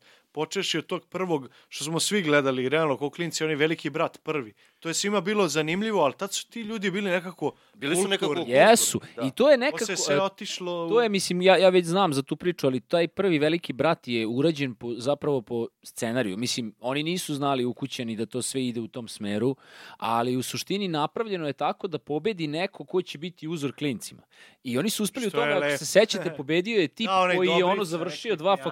fakulteta, svira klavir, prepametan momak, ono, najvredniji bio i stvarno je zaslužio da pobedi. I sve je išlo ka tome, čak kažem, sami ukućeni nisu znali. To Da. je tako plemenit jedan ovaj moment. Ali to je ono, na primjer, da je to Palko, recimo, ja se toga sećam, pobedio na farmi nekoj, razumeš? Da. Ali ono čovek koji je išao i čistio iza krava i nije se svađao ni sa kim, razumeš? Da, da, e vidiš, to je... A sada po, ko, A ja sad- ne, Sad pobedi onaj koji ima veći count to je psovki i i šamara. ono, znaš. najvulgarniji, šta oni rade sve tamo. To je, mislim, sramota, ali ljudi to gledaju zato što im je to nametnuto. Da, Tako i zato Jer- kažemo, treba, mislim... Treba ne- se e, stvari promeniti. Treba selektovati, Znaš, znaš, treba... Znam i ljude kojima je to izbor čak da gledaju i to su Dobro, poraž, a na poražavajuće zašto? mladi ljudi. Zato što a, to je ljudima zanimljivo jer, jer to se dešava, znači, zato što dosta naših i serije to ne, ne dešava se ona interakcija što smo mi pričali. Mm. A ovde se dešava jer je- to živi su ljudi i ti ne znaš šta će se Tako je. desiti posle. I to je zanimljivo kao jer a, ne postoji scenarij, ako oni to ubacuju, ti reditelji tamo se zajebavaju, oni pa im ubace, ajde, posvađaj se ti s ovim. Ja Da, mislim to da je- je to to je izrežirano, ali izrežirano, ali to je, stvar je toga što, recimo, uh, meni čak nije ni zanimljivo, a to su počele da radi neke naše generacije, ono, i, i, i mlađi, da, ovi mimovi sad, ali na osnovu tih ljudi iz farmi ili kako se Da. zove, zadruga. elita, zadruga, da, da. Šta god već. od svega znam da je neka elita sad. Isto sranje, drugo Da, patova. Zamisli sad, sad su oni elita, Sad više nisu elita. zadruga. Ali pazi, Ono zamisli koje je najveći to ispiranje mozga, jebote. Ali sad će neki ljudi koji imaju jedan kanal, na primjer Pink, oni će misliti da, su, da je to elita i da zna, značenje elite znači Tako je. bu- bude Da. Bio mi, je, bio mi je Nikola Silić, gost, onaj koji je radio elitu, ono Vuk Karadžić, Desanka A. Maksimović, onaj crtani. aha, aha. I sad, brate, ja kad sam to hteo da googlam, ja nisam mogao od ove elite, ukucam elita, brate, i meni... Da, Da, dođeš na petu stoji. stranu Google da bi Da, našao ono... Bukvalno to, razumeš? A ono da. je fenomenalan neki skeč, razumeš, u, cr u crtanoj formi, animacija, vamo... Brate, gde ti Da, ono da. vidiš stvarno trud neči. I kao, izlazi mi koja je to, ono, sačuvaj Bože, ne znam šta bi rekao. A sad, Ispiranje mozga klasično. Buka, sad se zaboravio šta sam teo da kažem, ovaj to, e, ali u suštini e, ne valja. ali ne, hteo sam da kažem za te mimove i to, da. Da. Ja, meni čak ni to nije smešno. Ono, neko mi pošalje, znaš kao ni Reels ili nešto, kao ja kad se iznerviram ujutru, dve tačke, i sad neka ta osoba iz elite nešto psuje, sve tera ono, u tri lepe, ja sam u fazonu, meni je i to neka vrsta podržavanja toga. Tako je. Znaš kao, Ja nisam takav ujutru, kad ustanem i nije mi smešno. Mislim, možda i jesam i možda bi otero sve, ali kao, e, kako da kažem, ti sad, samim tim što se smejem na to što postoji sad tamo negde je neka moja podrška. Da, i znaš. počeo da se forsira taj ga. primitivizam, i što je jako tužno. Jako je tužno zato što Da. neka deca, razumeš, koje to gledaju, misliće da je to tako zaista okej. Da je takvo ophođenje prema ženama okej. da, je takvo, da. da. je, da je takvo ophođenje žena prema muškarcima okej. Je. Znaš, to je e, e, jako jednostavno, mislim da, da idemo u jako lošem smeru. Vidi, u nekim zemljama, kako da kažem, da je taj reality nastao kao, kao Sve je bilo u kontrolisanim Sve uslovima. I dan danas u jako kontrolisanim uslovima, znaš. Tako da, mislim da, da, da treba da se povede računa, to jeste, kapiram ja, i neka laka lova ili šta god, ali s druge sve to strane, izađe na nos na neki Mora Ono, se zna, oni utiču na Deca će nam, omladinu. ćete nam decu u Znaš, debile. ono. Mislim, rekao sam sve to izađe na nos na neki način, ali mislim da sve to uđe na nos. Uđe na neki Da, jeste. to su već naš ono neki neki mozgovi koji više ja mislim da da su tupeli da im nije ni bitno ono ali kako da kažem naš mnogo mi je krivo zato što ja kad sam bio klinac i on i ti smo imali ne naš jebote oni fazoni i fore ono to nikad neću zaboraviti Tako je, Kanal D je. Smo Jebote. odrasli, ono, Kanal Jan, D. sve. Što ste neki ljudi koji su ti ostavili... kako da ne I taj, na primjer, ja sam gledao kao klinac Happy.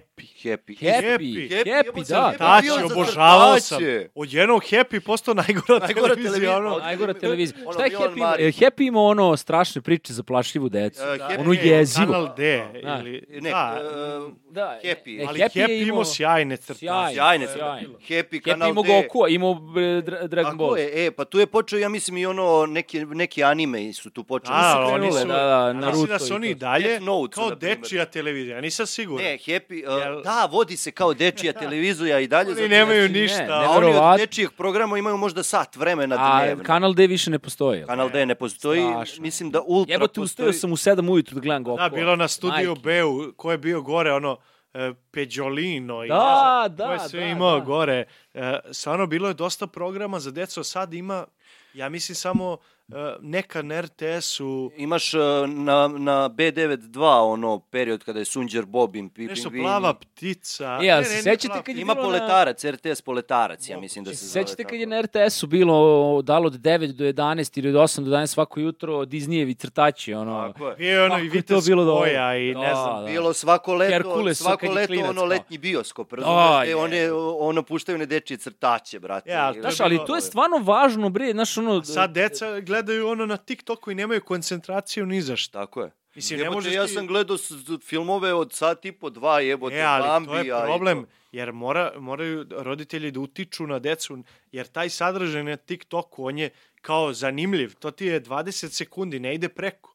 I ti samo to gledaš i tebi se navikava mozak na, Na jako kratak na sadržaj. kratko. I sad ti da uzmeš posle toga knjigu ili da Pa pogledaš film, na primjer, jednom u. Americi koji traje skoro 4 sata, kako Da, ćeš? Kakav film. Predstavu, ti nećeš moći, morat ćeš da, da ustaneš nešto. Ili Da- pogotovo recimo, na primjer, da ti sad uzmeš i da sedneš da gledaš film kao što je Sorrentinovo La, La Granda Beleca, Da. koji traje tri i nešto sata, razumeš, i koji je spor u određenim stvarima, a estetski fenomenalan i maestralan i sad kao, oni ne mogu to da gledaju, jer je to njima dosadno. Jest. Da, da, da. Ili Tarkovskog, ne daj Bože. Da, da, da. E, ali to smo iz La Grande Belece na svakoj žurci koju smo pravili na akademiji. Znači- U jednom trenutku kada postane najbolje, samo neko nas pusti i kreće. Parlamore, A parlamore. jeste čuskali uz tu? Kako ne, to je onaj remix, onaj. Evo, Da, ona trudna, kad ona trudna devojka na žurci, ona Da, scena, da, da. ona, vidiš, ona je strana. Ne, ali to je ono omaž i onda se ti osjećaš kao da si na, na jahti. Da, kao Ali, ali meni je taj film maestralan i onda kao ti sve svedeš u to da je on samo želeo da vidi opet te jedne sise, brate. Da, da, da, da, on je da. samo opet teo da vidite sise, brate. Koliko je, fil... ali ono, celokupna filozofija o Bogu, o ovome, i kao, on samo će vidi sise. Svašta muškarci rade da bi videli. Videli si se. ali maestra. e, šta sam ja? šta se ja se... Bolje ne pričam. Ali u svakom slučaju, šta se ja teo tebe pitam, pošto kapiram da se polako tema sa Beogradskom trilogijom završava. I Da. hteo sam da te pitam, ti si gledao predstavu. Jesam. Ajde ti nama kaži šta ti misliš ono, o generalno predstavi malo i... A Da, mislim, izvao si nas. Da. Pa čim sam vas zvao, mislim da je predstava dobra. Uh, fenomenalna je, ja sam sad tu došao, seo i kreće valj, Bajagina pesma i to ono što je fenomenalno rešenje, to avionska stanica, čekanje na let, kofer i odmah u samom startu ti daje do znanja otprilike šta ćeš ti gledati. I onda kreće ta prva scena gde si ti ono maestralan, prekomičan, uh, toliko je st- stvarno igraš tu neku polusirovinu koja je mnogo vezana za svog burazera. Rekao bi polusirovinu jer nije stvarno jako emotivno vezan, ispunjen i ti i Miloš Macura koji imate fenomenalnu energiju zajedno, nekako ste išli iz kontre, ti koji si sav tako ishajpovan, on koji je sav ono, brate, ono, nemoj me smaraš. Da, nemoj me smaraš. I Lenka koja je tu, ono, ništa nije, raz... mislim, fenomenalno. Druga scena me je raznela, ali raznela. Va, va, odnos između vas dvojice u toj sceni je fenomenalan. Još Lenka i Nikolina koje su e, to dopunile na nekom većem nivou i sad, pošto, ne znam, nekako sam video da je radnja glavna između tu vas dvojice, da su one nekako tu polufunkcija, ne znam kako bi to rekao. Tako sam ja to shvatio, kojoj su odigrali majestralno. I onda, ono, kraj, toliko komičnih elemenata i kraj koji me ono ubio, I treća scena gde ste ti, Nikolina i Miloš bili fantastični. Miloš koji imao takav preokret, razumeš, iz, Jeste, igra iz Miće u, u Da, da, da. dečačića, onog e, brate, znači ja ne, nisam ga verujem da je to taj čovek, jebote, razumeš. Da, da, da, sjajno. Tako da ste me ono, oduševili ste me i posle predstave sa svojom energijom. U, da, tad smo Da, da, imali... da, tad je tad bilo Nećemo da pričamo ovaj, ovaj, ali da, žurka u salonu. U salonu da, dole, brate, gde sam ja ono sedeo sa čikamaretom, uh, Da, sa... Da pomenemo Marko Ajvaz koji je Pozdrav za legenda slovenskog Tako dramskog je. pozorišta. On, je, on radi preko 50 godina tamo. Tako je, kao Ovaj, inspicijent. I on je nama, to je naš ispicijent. Gostovaće mi on u podcastu, E, treba moram, sa njim da Marko- dogovorim, da. Marko Marko je još jedan je. inspicijent da pričamo o tom poslu. Da, e, može, to ti je zanimljivo. Da, da. E, a, I sad, uh, me, moment kad ta energija sad došla vam je društvo, nekako se zalomilo da tu veče kad sam ja bio da vam se nakupilo... Jeste, baš Te je... večeri je meni bila ova drugarica što smo je spomenuli. Tako što je, pa ja sam i pričao sa njom posle, Da, da, da. na privatnoj žurci. Sad tu sečemo. Šalim se, naravno. Ali kao, vi kad ste krenuli da pevate čolu, pa kad je krenulo... Jeste, Ceo, Ceo, moja ce- draga. ceo salon je krenuo Kad ste da peva. krenuli moju dragu, brate, ja nisam mogao da nas- izdržim. Ja imam taj snimak, to smo se nas dvojica krenuli Ali da to je urlamo. bilo, u tom trenutku ko je sedeo, igrala se još neka predstava i bili su tu, ne znam, bio je Drag, Miša Drag. Miša, Radovan, Jeste. Jeste. njegov, ovaj, bio je Jakov, E, uh, Joakim, Joakim, Joakim, Joakim, da. da. Jeste, i to se desilo kao, svi smo e, tako nešto obleli, pričali i samo jedno krenulo, moja draga, priča mać, i odjedno kao, Ali Svi, ti ja koji sam u krenuli- ozbiljnom razgovoru sa Markom, tu je bio ovaj, kako se zove, ovaj slikar jedan i arheološkinja, i ja koji krećem da vrištim ono u Jeste, ali, pesmu. ali to je najjače, jer mi toliko dobijemo lepu energiju od ljudi koji nas gledaju i mi se toliko lepo osjećamo dok igramo tu trilogiju. Ja sam zapravo to već, ti si rekao, si vidio da sam plakao. Ja sam plakao na kraju predstave, jer nam je to bilo prvo igranje u sezoni. I Da. shvatio sam zapravo koliko ja volim to da radim. I koliko volim i te ljude koji ni- nisu tu, koji su ostali, koji su nas gledali i koliko volim ove ljude s kojima Da. igram i voleo bi da, da, da se njima igram, ne znam, tu predstavu barem još 10 godina. Jer Što kao- nije neizvodljivo. smo još, Nije, šta? što da ne? Mladi glumci. Da, da, je, Se na kraju ćemo, znaš, kao oni traže zamenu, kao nema, kao sam to. Šta vi sedi, ono, ćelavili. Vi Kao, "Evo, igrate Beogradsku trilogiju u godinama ovog pokojno, kako se zove ovaj glumac uh, što je umro u 90-ima igrao. A, na- vlast, Vlast, Vlasta, vlast. Velisavljević. jest, Dođe- legendarni vlad. legendarni, Legendarni vlast. vlast. Divan Njega čovjek. su, ovaj, da, njemu je isto Marko Ajvaz bio ispicijent. Da, da. Da, da, pa to, to, ali Čika Mare koja je legenda, sad hoćete to da ispričamo ono za ulazak u pozorište. Jo, da, daj. da, to, to, molim te ispričaj. Ovaj, za, da, Marko Ajvaz, jesi ti htio da kažeš? Pa ne, ne, ne. Ne, nego to to je bila fora, jer kao u jednom trenutku uh, naša predstava, trilogija je postala popularna. I krenuli su ljudi da dolaze i nisu mogli da dođu do karte. I onda smo mi tako uh, govorili, jer Marko Ajvaz je rekao, ne, ne, slobodno, samo recite vi, ovaj, da, kao gosti Marka Ajvaza i ući će. I mi smo to govorili nekim ljudima našima i onda su tako ljudi krenuli da dolaze i odjednom na jednu predstavu je došlo 150 ljudi, kao nije imalo gde se sedne i to su saznali ljudi iz pozorišta, iz uprave, Da. kao šta se dešava.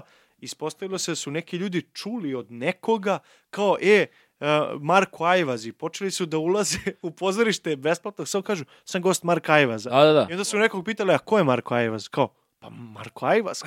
Kao, koga ti znaš ovde?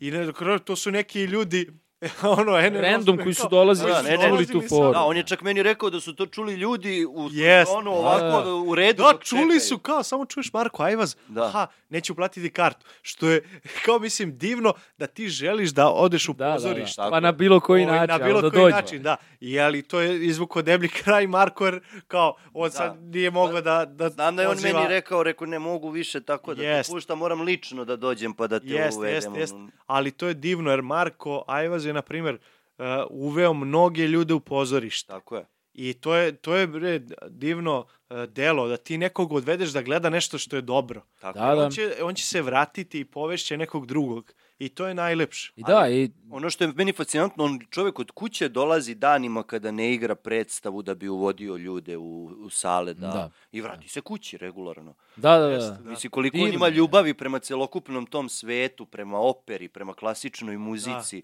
Stvarno je onako jedna legenda. Ovaj. Ja najviše volim, on mi je dao jedan nadimak, zove me Giordano Bruno. Giordano Bruno, ja ga zovem Marencije. On tako daje nam svima nadimke. A Strava je ne stvarno ono čovek od kog smo učili dok smo radili, jer kažem opet, mi smo tamo, nama je sve bilo to novo, ono, i profesionalno Jeste, ona se scena i baš sve. Baš je ono... primio, lepo tamo ugostio. Da. Pokazao Nismo, nam je znaš, duh ono- pozorišta. Da, da, da. I napravio je iskreno da se osjećamo važno. Ne znam kako to da kažem. Znaš, mi Da, koji da. smo svesni, razumeš toga da smo mi sad neki klinci koji dolaze tu da igraju, a on je bio u zonu, ne, šta treba da vam se donese ovdje da mi se stavi? I stalo Znaš- nam je persirao. I persirao. Da. I dalje. I dalje versija. Kaže Nikola, kako ste? Ja kažem, Marko, sjajno. Da, Tako da, to je jedno. I drago mi je što se zapravo, to se vidi jako još od, od onih prvih igranja, da se njemu jako dopala zapravo predstava i on je svaki put tu. Znaš, on, on ne ode, on može, uživa, on, je on može čovek da, na, ekipe, on može da je- namesti sve i da ode, znaš, nema potrebe sad on naš tu da, ne, on ostane on s nama, posle naravno, To povedi dobro, da, da, da, čuje mora ljudi. da, da, inspici, da, nismo rekli da, Da, da, on je inspicijent te inspicijent, predstave, da. On ali u suštini on dođe i ovaj, kako se zove, i posle ostane s nama na piću, znaš, Da. i ono, mislim, ja ga, Da, pa bio je sa nama. Bio je sa nama tu noć. To je Da. ono što On nećemo je- pričamo. To je za, za patr. za ono, Za, ne, nije, to nije ni za ako, Patreon. ako platite, pričat ćemo. Pazi, nije ni za Patreon. Ali u suštini on je član, ono, član porodice, to je to. Jeste, Da. tako da on je, on je isto, koliko smo mi Beogradska trilogija, toliko, i Toliko on. i on. Ali to je ono što je meni pričao, on je čovek koliko je u pozorištu, on je napravio taktiku da a, aplauz traje toliko dugo da, sva, da glumci imaju ono biseve na poklonu. Da, on je meni pričao, ja, ja kad krene aplauz, ja odem na galeriju ili na, u zadnji red, razumeš? Mhm. I krenem da aplaudiram i aplaudiram i samo na trenutku viknem bravo, Da, da, da. da. bravo. E, I a onda to kaže, je- uspali Jeste, ali on publiku. uspali jeste, publiku. uspali publiku, Nekad ljudi, ne, ne, neprijatno je pogotovo mala scena. Da, da, znaš, da. ono, ima sto ljudi i sad ja se dernjam pored nekog, ali kad jedan krene, to Da, ti da, je samo masa. lančana reakcija, I onda, tako. Jeste. lančana reakcija. Ovaj, da, bukvalno. Ovaj, šta smo rekli na početku? Ali da, to je jednostavno kao tako. Tako je, tako je, dobro. A, što se tiče recimo glume, da li više preferirate ili volite filmsku ili pozorišnu glumu? Šta je onako vaša? Da li, da li vidite razliku između filmske i pozorišne glume Pa ili... ne, mislim, svakako postoji razlika u, u načinu igre, jer kao na filmu imaš kao toliko, kao vrsta planova. Da. Ovaj, moraš da igraš Da. za, za ovaj široki, moraš da igraš šire, a kad ti dođu ovde ili srednje krupe, Igraš ti moraš da svedeš. Da. Da. Jer a, nikome nije prijatno da, da im ti uđeš u lice i da imaš neku e, ono gestikulaciju koja je preterana. Da. Da, tako da mislim da, da postoji razlika i naravno što smo rekli i, i ti prekidi dok ne bude savršeno ovaj, ovaj Jeste, se, e, da, nego samo, znaš, hoću da kažem, ne, nekad mnogo ljudi kad kažu tako, a, film kao možemo da sečemo, pa da znaš pa da nije, ovo, ali da opet, to isto nije, nije ni to tako, ovaj, kao da kažem, nije nešto mnogo lakše. Opet, pozorište je najčarobnija stvar iz tog razloga, zato što je živa stvar i zato što se dešava sada i ta Jeste, interakcija o kojoj pričamo, ali i ovde ima dosta, dosta tih magičnih momenta. Recimo, i, i ima tu težinu neku, znaš, kao kad ti neko stavi kameru ovde, ajde slaži. Tako je. Razumeš? Ajde, Jeste, ajde se. slaži nešto. Jer vidi se, misao se vidi. Razumeš? I onda nije ni to baš tako lako, ali kako A da nije kažem, lako, kakvi lako. Gde je pritom lako? Snimanja. Ti, ti ne znaš šta je to. To je čekanje. O, Ti, to je čekanje, što kažu, plaća se čekanje, a ja glumim Zato što volim. Zato što volim. to je Vlasta rekao. Vlasta, je Vlasta Vlasta rekao. to rekao. Jer kao, ti stvarno, ti čekaš tamo, kažu, e, nameštamo, radimo sad scenu 4-2-2, ti si vozano, ali ja sam tu trebao, ne, ti čekaš 4 sata Da, tamo da. i ti moraš, kad, kad ti oni upale kameru, a ti budeš tu, prisutan, dobar, nebitno da li si pre toga spavao, da li se raspadaš, ti moraš i još to nije nikad to je 12 sati. kontinuitet. Snimaš kraj, pa početak, pa Tako je, opor- znači ti moraš nekad katarzičan deo da odigraš na početku, Da, a da. uvod igraš. Tako To da je ti nemaš bukvalno- faktički sebe da dovedeš kao što kod Ne. To je jedna vrsta- Sebe dovodiš u stanje Jeste, ali zato mislim da je jako bitno pozorišta. pozorište, Tako je. da bi ti mogao, to je pričao, to smo pomenuli već, Glogovac, da moraš da igraš u pozorište je baza. Pozorište je baza za glumca. Da, da. Jer ti nećeš nikad doživjeti to katarzično stanje ako ga nekad A nisi, nisi u doživeo u pozorištu. pozorištu. Jer da, ti da. što si bolji glumaš, što više imaš predstava, ti ćeš sutra, ovaj, naravno ako imaš e, tu privilegiju da snimaš, jer možeš da odeš, i to je isto razlika u glumi, ali moraš da ovaj, se da, da se vežbaš, misli to. Da, da, Da. Mislim, ja, sam, ja se sećam kad sam počeo da snimam, uh, isto imao sam tu sreću, dobio sam ulogu u urgentnom centru u ovoj novoj sezoni, glavnu ulogu. To sam baš to da kažem, kad si rekao čime se zapravo baviš, ali rekao, ajde, pričat ćemo možda A- posle. Ajde, ajde, da, da. Ovaj, tu sam dobio, ja sam tamo naučio, zato što se tamo baš mnogo radi, i to je 100 epizoda snimano. Znači ja sam 10 meseci snimao. Mojih prvih mesec dana snimanja i ostalih 9 meseci je nešto potpuno kako da kažem, mislim, na akademiji mi baš i nemamo puno prilike da radimo. Imali smo predmete neke, Jeste, e, ali, to bi trebali da unaprede malo, da, da, da imaš neku glumu pred kamerama, jer stvarno je Mislim, drugačije. imali smo to, ali kao, treba bi bukvalno ti da, da ti daju uveče tekst da ti kažu ajde spremi ga do ujutru. Sutra. Jer kao mi tako dobijamo, sad te pozove neko, lupa mene Slušaj, u toku ovoga, sutra u može me neko pozvati. 6.40, znaš. Snimaš, to je to. Nema znači, mo, ode sad, moraš da budeš spreman. I on, Znači, i onda sam gledao tamo neke glumce, recimo neke naše kolege, ovaj, kako rade i naš, stalno sam se pitao što sad on pita koji je ovo, je li ovo srednje krupni, šta me snimaš odavde, koja je moja kamera, ja o tome uopšte nisam razmišljao, znaš. I onda kreneš da razmišljaš o tim, stvari, o, o tim stvarima kao, aha, ako je kamera ova ovde, što odavde snima, pošto snimaju recimo tri istovremeno, jer kažem, mora odmah tako da se snima, ima puno scena dnevno koje moraju da se snime. Znači, ne, ne Ozbiljno snimate se radi. jedan kadar, iz, odnosno više Ne, kadara. Zavisi nego, kako- nego više serija, kadrova odjednom. da. Da, zavisi kako koja je serija. Uh, ali ovde se baš puno radi. Kažem, ima puno materijala, mora mnogo da se snima i no, mnogo scena se se radi dnevno. I sad ja gledam, aha, znači ono je moja kamera, znači e, ja za ove dve onda isključim, uh, tu me nema, tu mi imaju leđe ili nešto, znači onda ja igram ovako otvoreno kao, znaš, i te, te neke stvari koje sam ono, kako kažem, nakupio kao iskustvo, ali kažem, mislim da bi to zaista trebalo da se napredi na, Jeste, na, da. na nekoj na nekoj od akademija, to jest na, na svim akademijama, ovaj da jer stvarno je drugačije. I onda posle kad sebe vidiš na TV-u u nekoj seriji, pa si ja, taj jebote. Ver, ti igram pozorišno. Je, znaš, kao, bukvalno mlataram rukama nešto, što, znaš, a ovde mi je Ali to je problem Jeste, generalno. Ali nas niko nikad nije naučio. A, Ne. ja sam imao tu, tu sreću da mi je neke stvari ispričao sad, zato što radimo u školi glume, e, zapravo mi, mi smo sad asistenti u Da, školi i Nikola glume. ja smo asistenti. Đole i ja, Da, da. o, teatar komedije to je Kolega. u Beogradu i Novom Sadu. Čestitam, da, i, čestitam. I radimo stvarno sa ne- nekim velikim glumcima. Ja, ja sad e, prošle godine sam bio sa Vučićem Perovićem, stvarno smo imali divnu saradnju, ovaj, ne znam, bio je Vuk Kostić i sada je Ra, Raša Bukvić. Da. Ovaj, O, Evo, ovaj, i ja sam ga pitao to za, za, za kadrove i on mi je ispričao kako se igra u kom kadru.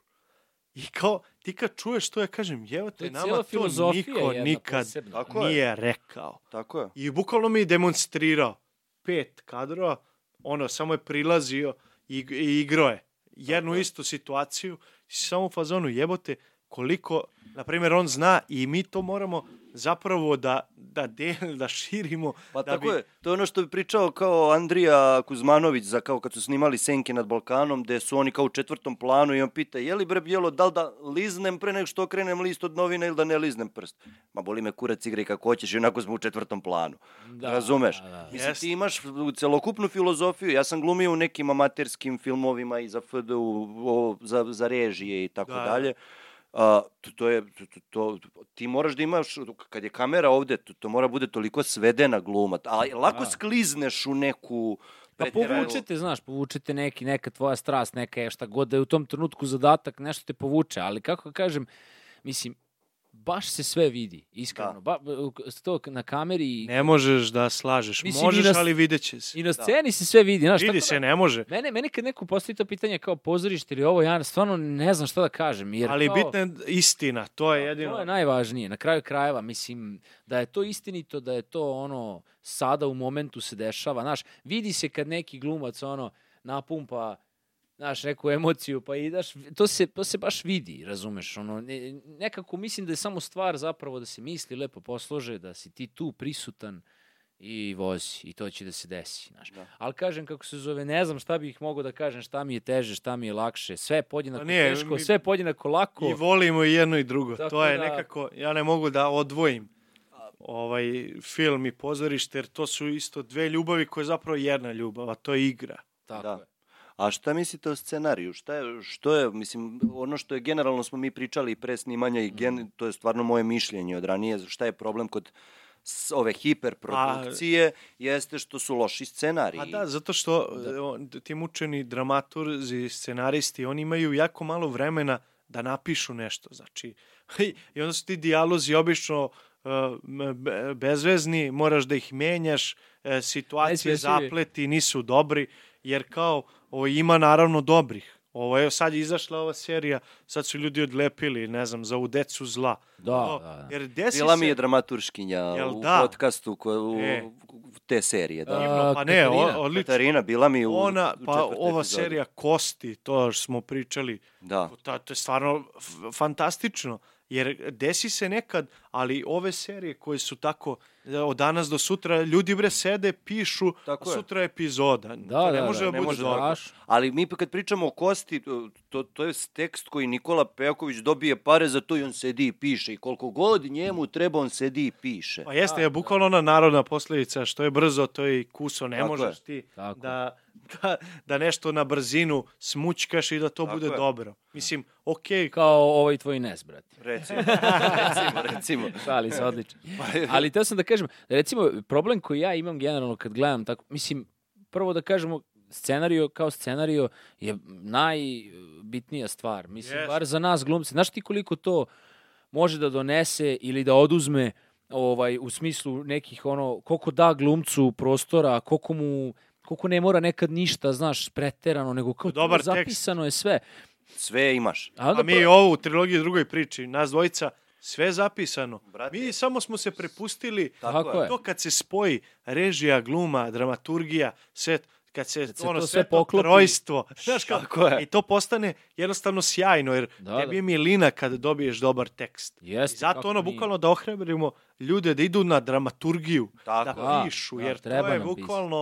Znaš, jer ti imaš scenu, recimo počinje serija i vidimo sad nekog tipa koji se budi ujutru i kao jako mu je teško da ustane i vidimo da mu je stan neuredan i on je u depresiji i sad nekoga pozove da idu na kafu. I sad oni sede na kafi i sad ta, ta, ta osoba koja ga zvala pa kako si? I sad on kaže u depresiji sam, jako mi je loše. A to smo sve već videli. E, me Da, razumeš e, šta hoću ti? A, da. Znaš kao, čekaj, pa to se ne priča, ne, je. nego onda kažeš, buraz, teško mi je, pomozi mi. Znaš kao, idemo odmah u situaciju, a Yes. ne sad mi gledamo nešto, mi sad slušamo da on nama priča nešto što smo videli pre Pa to je ono, minuta, ja znaš. sam gledao juče neku predst- predstavu koju je pisao moj prijatelj i režirao i on kao kako ti se čini i ja sam bio u fazonu, brate, dijaloški ti loš tekst. Zašto? Zato što ja vidim da dolazi čovek nadrogiran i ovaj liga pita jesi ti to nadrogiran. Razumeš, odg- pusti ga da odigra to, pusti mi da odigra bes, ne mora to da ga pita, nekako je prvoloptaški. Je, ono, porodične tajne. E, to smo se mi zajebali na faksu, čak smo snimili nešto novosadske tajne. Znaš, Jo, kao, da, da, da, bukvalno da, ono, da. dođeš, kao, šta radiš to? E, Zašto si ti sa mojom ženom u zagrlje? A, ti A ona bukvalno ona sa njim u zagrlje. I onda sledeći kadar, jao, ja sam popizdeo sam. Kao ide na intervju, On- znaš ono kad je Kako on može, ja ću da poludim, onda sad ovaj prepriča iz svog ugla. Ali pazi, to je ono- Recimo ove serije koje su sad te sapunice naše domaće su ništa bolje od toga. Ništa bolje. Gluma jeftina, scenario katastrofalan i čuzo se to isto tako štanca, onako... Kako ne? Ja sam imao jednom priliku da, da prodam dušu đavolu, da igram u jednoj sapunici, neću da, da Da, imenujem. da, nije ni važno. Ja sam samo ako gledao i razmišljam se i na kraju gledam i kažem ne, ne mogu da igram. E. I odbio sam. Iako posle toga nisam imao dinara, ja sam čak ne znam šta, šta sam tad radio, bi zaradio neki keš, ali kao ne mogu, brate. I ja sam dobio... Nadam se da stavimo neću bip morati. Na ono što sam rekao, ovaj, molim te. Pa vidjet ćemo. Evo, bratu, platit ću Ono, platit ću Patreon. Jole, sledeća uloga, kao vidiš ga. To je jedna sjajna ekipa. e, ja sam imao ponudu skoro, znači tek sam započeo ono podcast, zadužio se lova, vamo, tamo, nemam leba da jedem, razumeš? I dobijam ponudu na jednoj od tih serija, neću sad da imenujem, mogu i da imenujem, A. ali kao na Pinku se emituje, nije ni važno epizodnu ulogu kao da odigram. I sad, mislim, ono, za, za jedan dan snimanja, stvarno solidan novac za mene koji nisam glumac, pogotovo, Da, da, da. razumeš? Ja kao, brate, ali ne mogu. Znaš, neko će videti moje lice i kako ja onda mogu da dođem i ovde kažem Željko Mitrović je debil, ko što sad mogu da kažem, a ovako sam se tamo pojavio, mislim, razumeš? Da, da, da. Stvarno mi ono kao, ne, ne, ne mogu to sebi da dozvolim.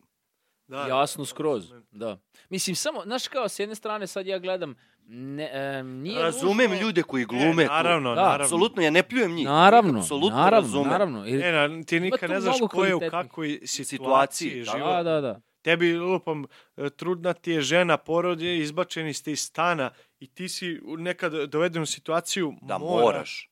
Druga stvar, nisu, nisu ni svakome glumački potencijali Ne, podjednaki. naravno, naravno, ne Razumeš? može... Ne Neko da, ne, neko nema, znaš, neko Nema je to, domet. Da, Nije, ja imam... ili jednostavno ima, znaš, nadaren je, neće. ali, hoće, ali to mu je, ono, Ili jednostavno Taj. voli pare, brate, pa ga boli Jest, dupe gde će da igra jest, šta će da jest. radi. Sve je to u redu. ima i toga, znaš. Na, Mislim, Ali je privilegija dok možeš da biraš šta ćeš da igraš. Tako je. Jer ako nemaš tu mogućnost, ako moraš, onda je, onda je zeznut. Ali Mislim privilegija postane onog momenta kada n- Kad da ja ne imam moraš 65 da biraš. godina.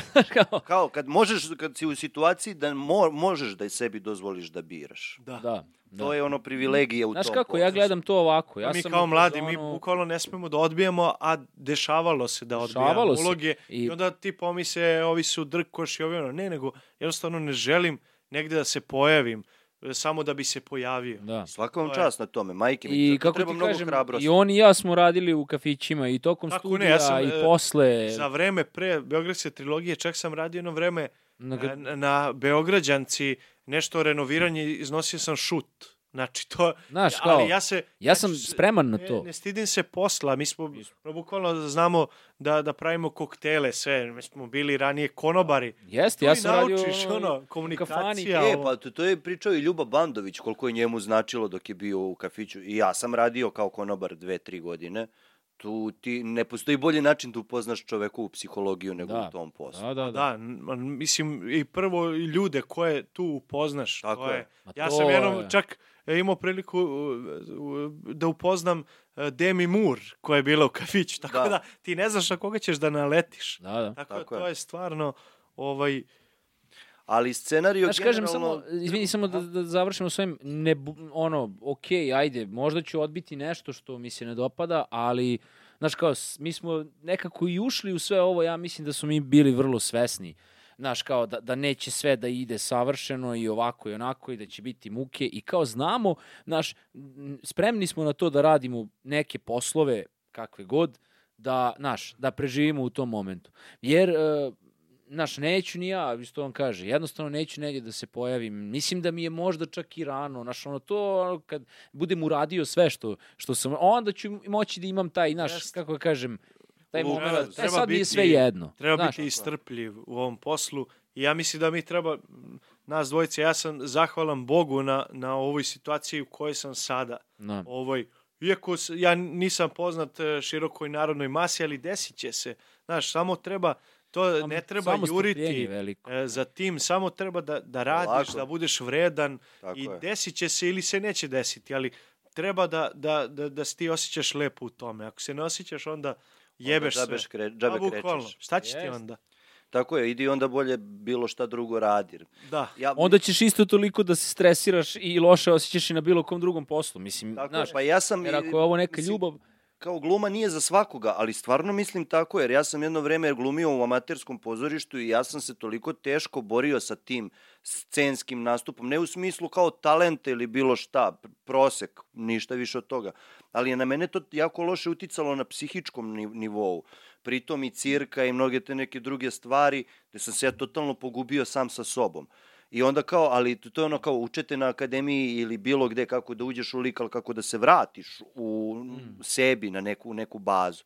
I sad jebote, znaš ono, ja nisam za to. Ja, daj da ja uzmem papire i da napišem scenariju pa da dam onome ko zna To je da to odigra. ali je recimo jako lepo što si prošao kroz to sve i tvoja vizura, znaš, kad ti budeš pisao scenariju, ja prvo imaćeš to odglumim u glavi pa tek Tako onda je. prebacim na, na, Znaš, na papir. I zato kažem, ja mislim da, ono, eto, od tih nekih novih scenarista, što, e, što kaže moja koleginica, glumica Jasmina Večanski, koja me je spremala inače za, za fakultet, kaže, jebote ti što pišu te gluposti, nek samo pročitaju naglas šta su napisali. Tako. Znači, ne mora da mi odigra scenu u glavi, ko što ti kažeš, pa da napiše. Samo naglas izgovori, Tako ono. je. Mislim, i to spomenuli smo uh, Kolju i njegove ono, scenarije. Uh, kako kažem, to je čovjek koji je prošao... uh, koji je mnoge prošao za stvari- ne poželeti i da bi prisao tako kao on moraš da prođeš. Jeste, mnogo ali ne, ali, ali kažem samo prošao i kroz glumu. Prošao je. je i kroz... Jeste, kroz ali- pozorišnu režiju, on je reditelj Da. po struci inače. Da, ali ti kad vidiš, onda ti nije jasno kako se izbacuju te stvari. Kad imaš, na primjer, izašle pred, ima već 20 godina, možda nema, ali vratit će se rode. da. Tako je. Mislim, ta serija je ono, nabila standard, šta je To ono, se ona je- kaže, to je A onda Biblija. svaka sledeća Bjelogrlićeva Da, da. opet ima Da, Mislim, drži, drži standard. Tako je. kontinu- Ali da, ali meni nije jasno kako od te serije, posle toga nije samo išlo na bolje, nego je sve išlo Ali to je zato što za, za tako nešto ti moraš da imaš financije, ti moraš da dođeš da daš čoveku pare, da ga plaćaš tri godine, Jeste, da, da. on sedi i da piše. Jeste. Da ti daš tri godine čoveku, evo ti svi uslovi, evo ti sva literatura koja ti treba, jer to nije samo sesti i napisati iz glave, tu ima istraživanja, ima koje kakvi stvari, jer pogotovo ako pišeš neku istorijsku fikciju ili nešto tako, moraš da sedneš i da pišeš. I to je štrihovanje do zla Boga, to je uprirodnjavanje dijaloga, Da. jer nema ništa teže nego napisati prirodan dijalog. Da. Mislim, ja to gledam iz perspektive Gledaš iz pisanja. iskustva. Ja gledam iz svog iskustva, ja da napišem prirodan dijalog, ja se otelim. Lakše mi je ono sve da zamislim što ide okolo i celokupnu priču, ali upriroditi dijalog. Pa jeste, desi se to i glumac pomogne. Znaš, ti kad dobiješ nešto, ti malo izmeniš, kažeš, ajde, ovako ćemo. To, Da, da, to mi da. sad palo, kad si pomenuo Bandovića, sad kad sam gledao u seriju Deca zla, on u jednom trenutku nešto, on i Raša Vujović vode neki dijalog u, u hodniku sudnice i pričaju oni sjajni, stvarno kao, to je tako živo i samo u jednom trenutku priča Bandović, priča, priča dobar dan i nastavi. Znaš kao, jer to je E, bravo, prirodno, to je jer prirodno. kao on je tu usput, samo mu je neko rekao dobar dan, dobar dan, Oj, on je nastavio dalje, jer nema tu. E, to je ćeš ti život. sad kažeš, je. dobar dan i onda kao okreneš se, e, kao, a, a neko bi to tako napisao. Ne, nego, to je usputno, dobar dan, idemo dalje. Pa to sam Znaš. pričao, pričao sad sa, skoro sa, to sam vam već ispričao, sa asistentom režije na, na koži, koja će izaći na RTS-u, gde on kao priča o toj koljinoj maestralnosti, o svemu tome, gde on u, u situaciji, sad oni to, uh, oni to režiraju, oni u situaciji kao najbanalniju, gde ja igram kako želim da te roknem, a mi ćemo u stvari da pričamo o ćevapima. Da, da. Razumeš? Ali on je majstor za tako nešto. Ja mislim da to stvarno ne, mislim kao ne treba pokušavati njega da iskopiraš, jer moraš baš da imaš ozbiljno, ozbiljno gadno životno iskustvo koje on ima, Jeste. da bi tako nešto mogao da Obično su ti radiš. najbolji pisci i bili najnesrećeniji. Dostojevski je... On, A to je ono što je- Moraš Moraš da- da tako- proživiš. Tako je. Da, stvari Ono što da su bi- mnogi rekli jeste najbolji pisac je mrtav pisac. Tako da... Pa jeste, kako Znaš, ne.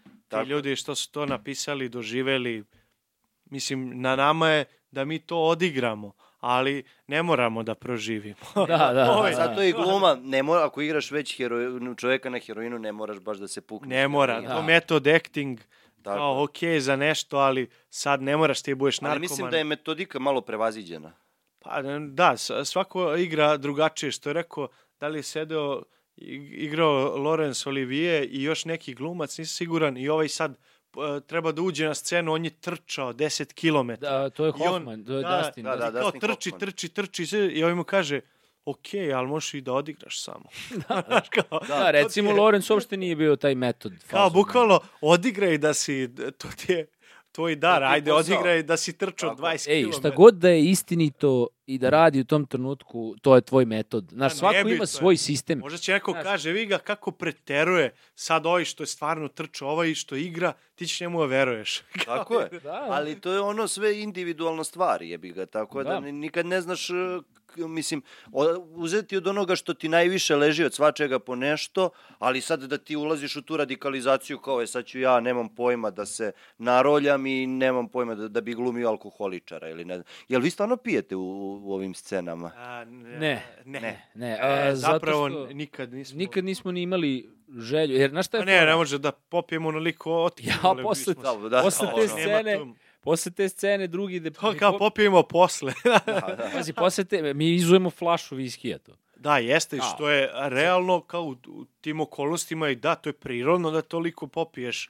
kao oni su Ali još gledaj ovaj sad- alkoholičar. Kao. Ali gledaj sad ovo, ja posle toga treba da igram celu treću scenu koja traje još pola sata. Jeste, o, ja bi Treba mogao, Kao, Tebi bi možda i selo. ali bi izašao na kraj predstave. e, pet A. osobe, pa Bilo bi malo. Ili ne, mislim da to da nije profesionalno e, dolaziti uopšte pijan u pozorište i Da, da. igrati. To je nepoštovanje kolega Posle i predstave svih možeš šta hoćeš. i Da, publike, jer ti ne možeš da izađeš i da budeš i nerazgovetan i ovakav i onakav tebe moraju ljudi da čuju i ne smeš, to je nepoštovanje i institucije i svega. Ko je tu stajao pre tebe, ne možeš ti dođeš e, usran od alkohola i kao sad Naravno. ti tu e, igraš nešto, a kolega e, ne može Izvisi da... zbog tebe. Da, to je jednostavno meni nepoštovanje. Slažem se. nikako nije profesionalno. Kao je dobro, kao i- neko popije čašicu rakije, ok, to da te malo opusti. Ja ni to ne radim nekad samo, ali kao to jednostavno... Uh, Nešto ali što ako ne se može neko da utiče. napije, pija, ne, mo, ne može, jednostavno to je... Ali, ali da, ne pijemo pravo, zato što posle toga imamo da igramo još Da, čak su i dosta. piva bez I alkohola. pivo je bezalkoholno i onaj joint što popušimo treće je pravi Duvan. joint. Je joint. nije, nije, nije. Ovo je isto duvan. Publika se uradi, onda im sve dobro. Da, vatači zmaja. Da, da, da, da. Kažu su dobri. Da. Ja što je smešno je. E, Kako vam se čini u suštini pozorišna scena trenutno u Srbiji? A, pa znaš kako, ovaj, e, ja mislim, ja sam primjer optimista trenutno, mislim da je, da je počelo nešto da se budi Da. ovaj, u posljednje vreme i izašlo je nešto dosta dobrih predstava, naravno ima i loših, ali Ali dobro, Je mnogo, je, počelo- mnogo, je, mnogo je teško napraviti lošu predstavu, a kamoli kako je jest, teško da, napraviti i dobro. Počeli tako da, su e, sad u posljednje vreme da ulaze u institucije e, mladi glumci I mladi ovaj, reditelji. i mladi reditelji koji don, donose svežinu i ovim starijim iskusnima, njima je onda još i lepše da igraju. E, gledao sam kad smo već kod mladih od ovog sina Danice Maksimović, on je reditelj beše. A Lolić. Da. A, šta, gledao sam u, u BDP. Yankee Rose. Da. Yankee Rose, pa tu igraju sjajni isto mladi glumci. Da, I kako Luka je- Grbić, Luka Grbić, da, da. Ćoro, Što i je ne znam ko dobra predstava. Ja nisam Odlično. gledao, ali stvarno postoji... Ne, to, i to je tako dobro. Ja, ja nisam imao pojma ko je ta žena. ovaj, to je po istinitom događaju. Mislim, Tako ona je. gledao Jenki? Jesam, jesam. Da, da. I meni je to bilo ultra zabavno da gledam sve vreme. Znači, e, pa, e, u suštini i likovi generalno, Tako kako je. su napisani, mislim, i režirano je super, znaš, nema, ne, nema tu sad nešto, pre, neki preteranih Onda nekih Beton stvari. Beograd isto, kako je bio. Ce, cement Beograd. Cement Beograd, nije Beton, Jeste, ono, Cement. ovi Ka- mladi što posle ka- dođu Miki Krstović. Tako i je. Zupac, bu- bukvalno ludilo. Pa ne znam, jesi gledao, e, odlični su u Narodnom pozorištu naš razred. Ovaj, E, nisam, ali sam čuo. E, oni su, to je Tako mlada ekipa, ovaj, ne znam, mislim da je Rigona režirala. Da, Ovaj, to je sjajno, pa je sjajna predstava e, Gubitnik. gubitnik Ovaj, što je tvoja To, sestra da, režirala. ali tu kako ali to je igraju sve mlada ekipa. Mlada ekipa, kako? to je i isto... Pritom je Gubitnik fenomenalna knjiga. O, Da, pa onda maestralno. imaš, ne znam, e, si pomenuo Edi, pa to je bukvalno postala jedno od najpopularnijih Tako je. predstava u Beogradu, ne Meni, možeš da, karte odlična je predstava, da. tako Ovaj, je. a, ima, ima tu sjajnih stvarno predstava, a, ne znam, u Zvezdara teatru koje se igra Voz koji se igra, ne Voz, znam pa ja o- ovi koliko isto puta. mlađa ekipa što ih predvodi Andreja Kuzmanović, Osama Kasaba. Os, osam, kasa, osama kasaba u Njujorku. Jurko. Da, gde su Jovan Jovanović, Isidora Tako je, Simonović, uh, Iva, Amar. Amar, uh, tako je, Da, da, da, stvarno i Branko Janković koji je fenomenalan glumac. tako je. Ovaj sin sam imao priliku da igram. Stvarno mislim postoji sjaj dosta dobrih predstava. u A, treba obratiti pažnju na Sombor. Sombor, pozorište, Sombor, ovaj, da, kada bi Sombor bio Ka- e, Hollywood. to je- to je kakva tako to dobra Evo, ja sad idem Ja- da gledam e, preko sutra uh, Semper idem. Semper A, ide, da, da, o, da, imam je da. tu, Oni fenomenalno. Su, da, bukvalno osvojili sve žive nagrade Da, na da. sterenom pozorju. Traje šest sati predstava. Da. I je je Lebović, puno. da. Lebović, Lebović, pa To je i knjiga je predstava. Sombor. Da, ima, ima dobrih predstava o, i u...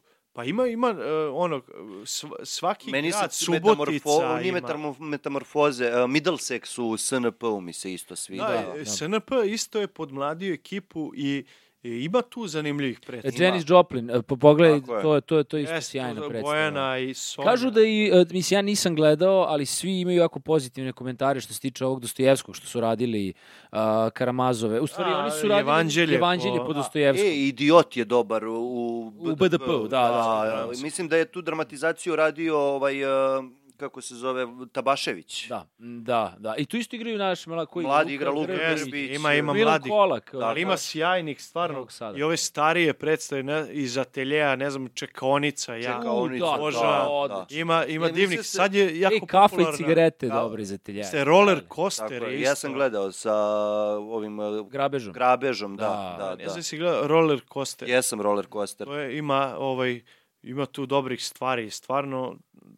Čekaj, roller coaster, ja mislim da tu glu, ko glumi tu? Ovaj, Je, pa, To, to, Tihomir ja- Stanić. Ne, ne, e, ti, roller coaster igra glavnu ulogu Dara Đokić. Aha, Ovaj, to ono, ovaj, kad, kad postoji na kraju ovaj robot, dečko, njega igra ovaj Teodor Vinčić, on je A, sjajan. znam, znam, ovaj, znam, da. On igra u Gubitniku zapravo glavnu ulogu. Da. Ovaj, on, I kako, zašto je tvoja sestra ubacila ili- ženskog lika kada nema ženskih likova? U... pa, e, pa ona je to ubacila uh, zato što je imala, zapravo postoji, pominje se, ali nije... ali nije... Da, ona je da. zapravo spojila um, da, je, da, da ženski lik igra i sestru i od Wertheimera i uh, Mozarta u tim snoviđenjima. Što Da. je spajala Puškina i ovaj Aha, i, da, i, i uh, Berharda. Berhard. Da, ovaj, tako da to je, pa pogledat ćeš, pa možda Hoći se njom da, da popričaš, ali, ali da, i to je sjajna ekipa. Voleo bi se mi da popričam. Stvarno, to su fenomenalni glumci. Da. Ovaj, ja sam naravno, ona me pitala za, kao za savete i ona zna, ona je, voli mnogo celu ekipu trilogije se, ona je htela i Lenku, ja sam, ne znam, gledala i Teodora, posle e, on igra Joakim, sjajan isto glumac, Stojiša, Oljačić, on je stvarno, mislim, ta neka ekipa e, daje ti neku ovaj, nadu da će, da će sutra scena stvarno biti jaka kada... Da ima naslednik. Da, da ima naslike, jer mora. mora Ali to je ono naš je neuspeh, nije naš, ne, naš uspeh izbaciti jednu dobru generaciju. Ti si u velikom neuspehu ako veliku, jaku, dobru generaciju nema ko da nasledi. da, da. Ti onda u tom trenutku gubiš celokupnu scenu i ti onda nemaš Jeste, perspektivu. onda bude rupa i ništa I onda se ne imaš dešava. jaz, tako je. Mi smo Jeste. došli u taj problem da smo imali jedan je veliki jaz i onda smo došli do toga, aj sad vadimo trnje iz guzice, sad se Jeste, ali ja mislim da ova naša generacija, sad ono razmak 5-6 godina, gore, dole, Tako mislim da, da, da, da ima šansu postane Polako, velika i jak. da, da, da. Tako je, Ovaj- celokupno i de- 95. gledao sam generaciju koja je paralelno Akademija umetnosti i uh, FDU 95. Ne, 99. godište, recimo. Da, pa evo sad u 99. godište. čuvarima formule, e, gla, jedno od glavnih uloga... Alisa. Da, A- Alisa, Jovan Jo- Jovanović, Ogi Mićović. Tako on je. je, On je- završio u Novom Sadu. Fantastičan glumac, 2000. godište. Da, 2000. da. I stvarno, tu je i Maja Čampar, sjajan. A, to su stvarno, kao ti kad vidiš te ljude, čim je njih stavio tu e, Bjelogrlić, dao im je da, da nose film, znači, je. Denis Murić se još i ranije probio. da, da, Da, Denis, da. ovaj, da. tu Pavle, Mensur, Pavle sve, ne, Mensur. stvarno ima sjajnih, glup, e, pomenuo sam Teodora, on je sjajan, ovo naša ekipa, Đole, Macura, Nenad, Tako je. Darko, Nikola. e, da, Nikola, Ognje Nikola, da, da, da. Ne, stvarno ima, ima divnih i, Žognje. i naravno glumica, stvarno, Da, da. Tako je. uh, sam pomenuo i Lenku, pa ko Da. je tu sve od naših, tako da... Ima tu Alisa, recimo, dosta se tu, ova ekipa koja je glumila u Močvari, Mm. a, mladih glumica. Da, Jana Bjelica, Ja, Jana Bjelica, Anja, ja mislim... Pavićević, tako jeste, je. ne, Da, ima da. stvarno sjajnih i naravno ova srednja generacija predvođena Rašom Vujovićem, Tako da, ostalim, da. oni će, Mislim, Ra Raša Vujović je nepravedno osuđen zbog, e, mislim, kao osuđen, nekako generalizovan zbog te uloge Risa, recimo, u Vojnoj akademiji, a onda kada je došla do, oni koji ga nisu gledali u pozorištu i videli koliko je talentovan, Sjajan glumac. onda kad je došao Ja u sam njega- Korenima... Koreni, pa posle vreme E, Moram da kažem e, samo zla da sam vreme njega smrti, e, video Decu zla. o prvi put u, u predstavi verovali ne, u Novom Sadu, Srb, znači još nismo ni studirali tad, to je bilo, ja sam tipa 2000, ajde kažemo 14. Da. 15. Sa brod za lutke. Brod za lutke, ovaj, on ima tu jednu scenu veliku, ovaj, igra sa, znači on igra rame uz rame s Jasnom Đuričić. Da. On njoj parira sve vreme. Tako. I ja sam bio u fazonu, brate, bravo. Znaš kao, stvarno je ono, Ja sam njega gledao Kad sam prvi put video- prvi put u pozorištu kada su došli sa nekom predstavom koja se zove Zaštita pre svega u srednju školu. Neka komedija, onako. Čak je bila i simpatična i tu sam ga video, jako simpatična. Baš je, ono, kako je čovek transformacije pravio, fenomenalan je bio. ne, ne, Pogledaj, e, e, ja igram sa njim u e, razvojni put u Bore Pa Šnajdera. gledao sam vas, bre. E, on je Gledao stvarno, vas. mislim, on je mađioničar, on zna stvarno da Tako je. cela ta ekipa, ali moram da sjajna. napomenem, eto, ja sam s njim snimao jednu scenu u Vreme, Vreme zla, ne, Vreme vreme, vreme smrti, smrti. Vreme smrti, da. A, stvarno je dobar i kolega, znaš, ono, baš je ono ortak, Ne. šta god da treba, ej, sad ćemo smislimo, sad ćemo sednemo, znaš, pa probaš scenu milion puta s njim, znaš, i ovako vredan je, ba, baš mislim da je on vođa, ne, to- vođa ove nove Pa, generacije. čim je on bukvalno, igrao i e, sa Glogovcem, naučio je od njega i mislim... je. da. E, da, to je da taj dobar što on- primer. Dobar primer kako, Kako on, se prenose stvari, razumeš, sa generacije na generaciju koje treba da se čuvaju i to je jer to. nije, nije sebičan, nego, je. nego ti daje savete, deli sa tobom i, i Da, da. pomaže ti da ti budeš bolji. To je, na primjer, divno i mislim da tako treba zapravo funkcionišu ljudi. Da se, da se obriše taj ego, sueta, da li sam ja bolji ili ti. Nema, brate. to. Ali pazi, um, ja mislim da niko, da ako smo svi dobri, onda pozorište dobija na, Da. na, na kvalitetu i nema to ono kao ja ću dobiti ulogu. Za svakog će biti Pa, posla biće, jer onog ne možemo- mi dobi, Đorđe i ja jedan drugom budemo konkurencija. Mi smo Tako je. potpuno različiti. Naravno. Tako je. Mislim, i sad kad pogledaš, recimo to što si rekao, ako gledaš neku predstavu i kažeš, e, ovaj jedan je dobar. To onda nije dobra predstava, Tako je, razumeš? tako to je je. onda neki... Sad možda se tebi znaš. neko više dopao, ali Naravno, ti da to kažeš su za sad ovog- već sitnice. To je razumeš? sve. To je ono što ja normalno. govorim. Ja sam govorio za Radovana trećeg, da je Radovan treći u suštini loša predstava. Dobar šou Zorana Radmilovića, loša predstava. Ovi loša ga samo prate. Tako je, da oni, oni da. samo tu idu i kao šta Zoranu radi, ali to je loš tekst, loš scenariju, zato i jeste tako napravljeno kako i jeste na kraju. je napravio haos. ali da, Zoran da. Razmišljam, Razmilović je tu maestral. Kažu prvi srpski stand-up. Da, da, šta da, god, da. ne mogu je- da ga nazovem stand-upom. Pa nije, ali on je kao počeo prvi da Prvi solira. srpski one man show. Tako, A on je, mislim, ali stvarno, ali to je Zoran Radmilović. Tako je, i to može samo on i niko više. Pokušali su par puta, mislim, da vrate. Ne, evo sad ti je Radovan treći, gledao sam Igra ga. se u SNP-u. U- u Ne, ne, Somboru. u Somboru, Somborskom, u Somborskom. Somboru. I oni su napravili dobru stvar. Ima tu, ovaj, jel skoro su počeli da igraju, ovaj, ali da, da, taj tekst e, zapravo prvi put sam ga čuo. Tako je, taj tekst u suštini i nije toliko zanimljiv. Kad ga... Kao ti kad imaš, e, ali e, i oni su ga napravili zanimljivo, ali kao zapravo e, ka- e, iza ljudi, e, slušao sam okolo, kad se izgovori neka replika koja je zapisana, A, A izgovaraju je kažu, Zoran, A da. kako je Zoran to kaže? Kao, o, o, znaš kao, komarci ko rode, to svi znaju. I ti sad, kako uopšte da imaš e, muta da ti to izgovoriš na sceni? Tako je. A A Mislim, to je, ja sam čuo, posle, e, nezavidna situacija. posle e, Zoran Radmilović je to igrao A. Brstina. Brstina, je Možda zamisliš taj pritisak. Ali pazi, Ali Brstina kao- koji je fenomenalan u komediji, maestralan. Da, da, da. Maestralan. Ono stvarno jeste, stvarno Ne jeste. možeš, jer to kada e, taj klasik neki treba da, da, da, da, da opet kreiraš. Kako? Znaš, ko je to odgovor? Zato smo se mi prvo bili usrali za Beogradsku Da, da, e to je ono, Jer kao, kako ti posle Gagi Jovanovića? Kao, Kako ti da igraš Ticu ovu, posle Gagi? A, to se sad malo izmenjalo, ali ja sam igrao ovog tipa koga on igra u drugoj priči. I ja sam tu umeđu vremenu saznao da je Bogdan Diklić igrao tog lika, znaš. E, Diklić, Ja kao, je- Diklić je. I ja ovako fazonu sam, pa ja nikad neću ovde ništa ovaj, odigrati. Ja ništa neću raditi ovde, razumeš? Jer kao taj pritisak koji osjetiš, ono, oni su Jeste, to naš a zapravo šta su nam svi govorili i, i ovaj Marko i, i ljudi iz pozorišta, stvarno su nam bili svi podrška.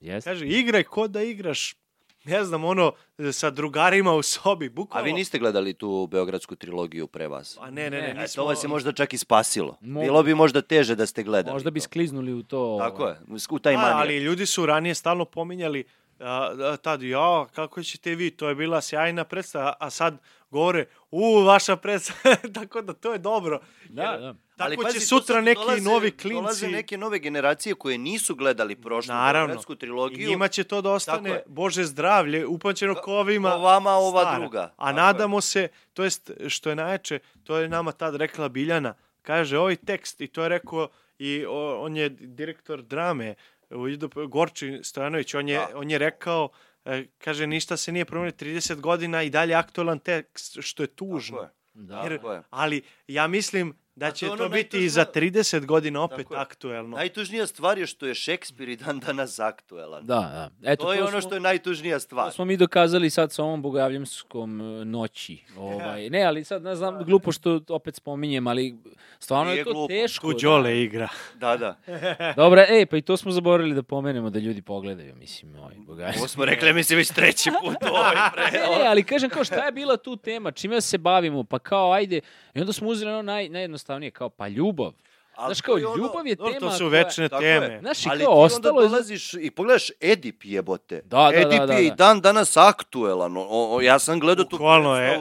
Edipa su tako odradili da je on Jeste. dan Ti kad vidiš, evo, uh, uh, Bora Schneider, ti kad vidiš razvojni put tog čoveka, mislim, to je i dalje, to je tako, Tako to je. je Aca Popović napisao pre, pre koliko godina, 60, i ti, i ti samo shvataš da je to sve i dalje, samo promeniš imena i, i neke je. malo, ali to je sve isto. Ali to je ono što je Pa radio Hamlet Rakočević. i- Tužno. Rakočević, ono sumnjivo lice TV, ono Da, što su radili. da, da, da, da, da. Da, mislim, neke stvari, kao, naravno... A tek nu, da, Nušić je ono, bukvalno... Preaktuelan. Preaktuelan. Znači, taj čovek kao da je imao vre, ovaj, vremeplovi. Kad je pisao, razumiješ, i onda ode, pogleda, a pa da, sve je ostalo isto. Znaš kao šta? Zato što su ljudi isti. Vremena se menjaju, ali su ljudi. ljudi, mentalitet ostaje Ono, kod nas isti. a, da. To je nešto. DNK što se I kao, prenosi. Ko je mogu da po, pomisli nekada da će se dešavati, ne znam, i, i opet t- t- tolika ubijanja i sve. I kao je sad vidiš ovo Gaza, Ukrajina. Mislim, kao... Svuda. Zlo, brate. Tako Ali ljudi To sam isti, pročitao podatak se. i sad ne znam da li je to istina, da od kad postoje ljudi na planeti Zemlji nije bio ni jedan dan da nije bilo rata.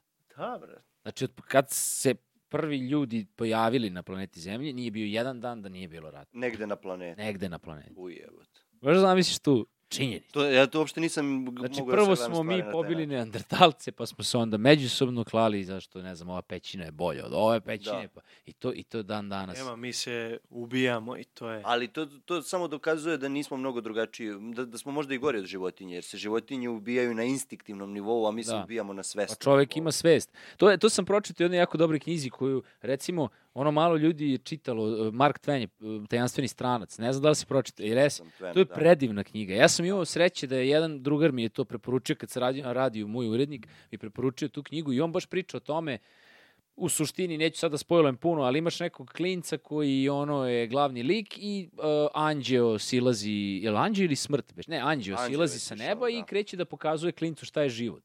I sad klinac kaže, jao, za neke dečake tamo koji su nešto kao, vidi one majmune šta radi. I on kaže, i onda mu on objasni, u stvari, ne možeš da nazivaš e, ljude majmunima zato što vređaš e, Životinje. životinje, jer životinja nema svest o tome šta radi, a čovek ima.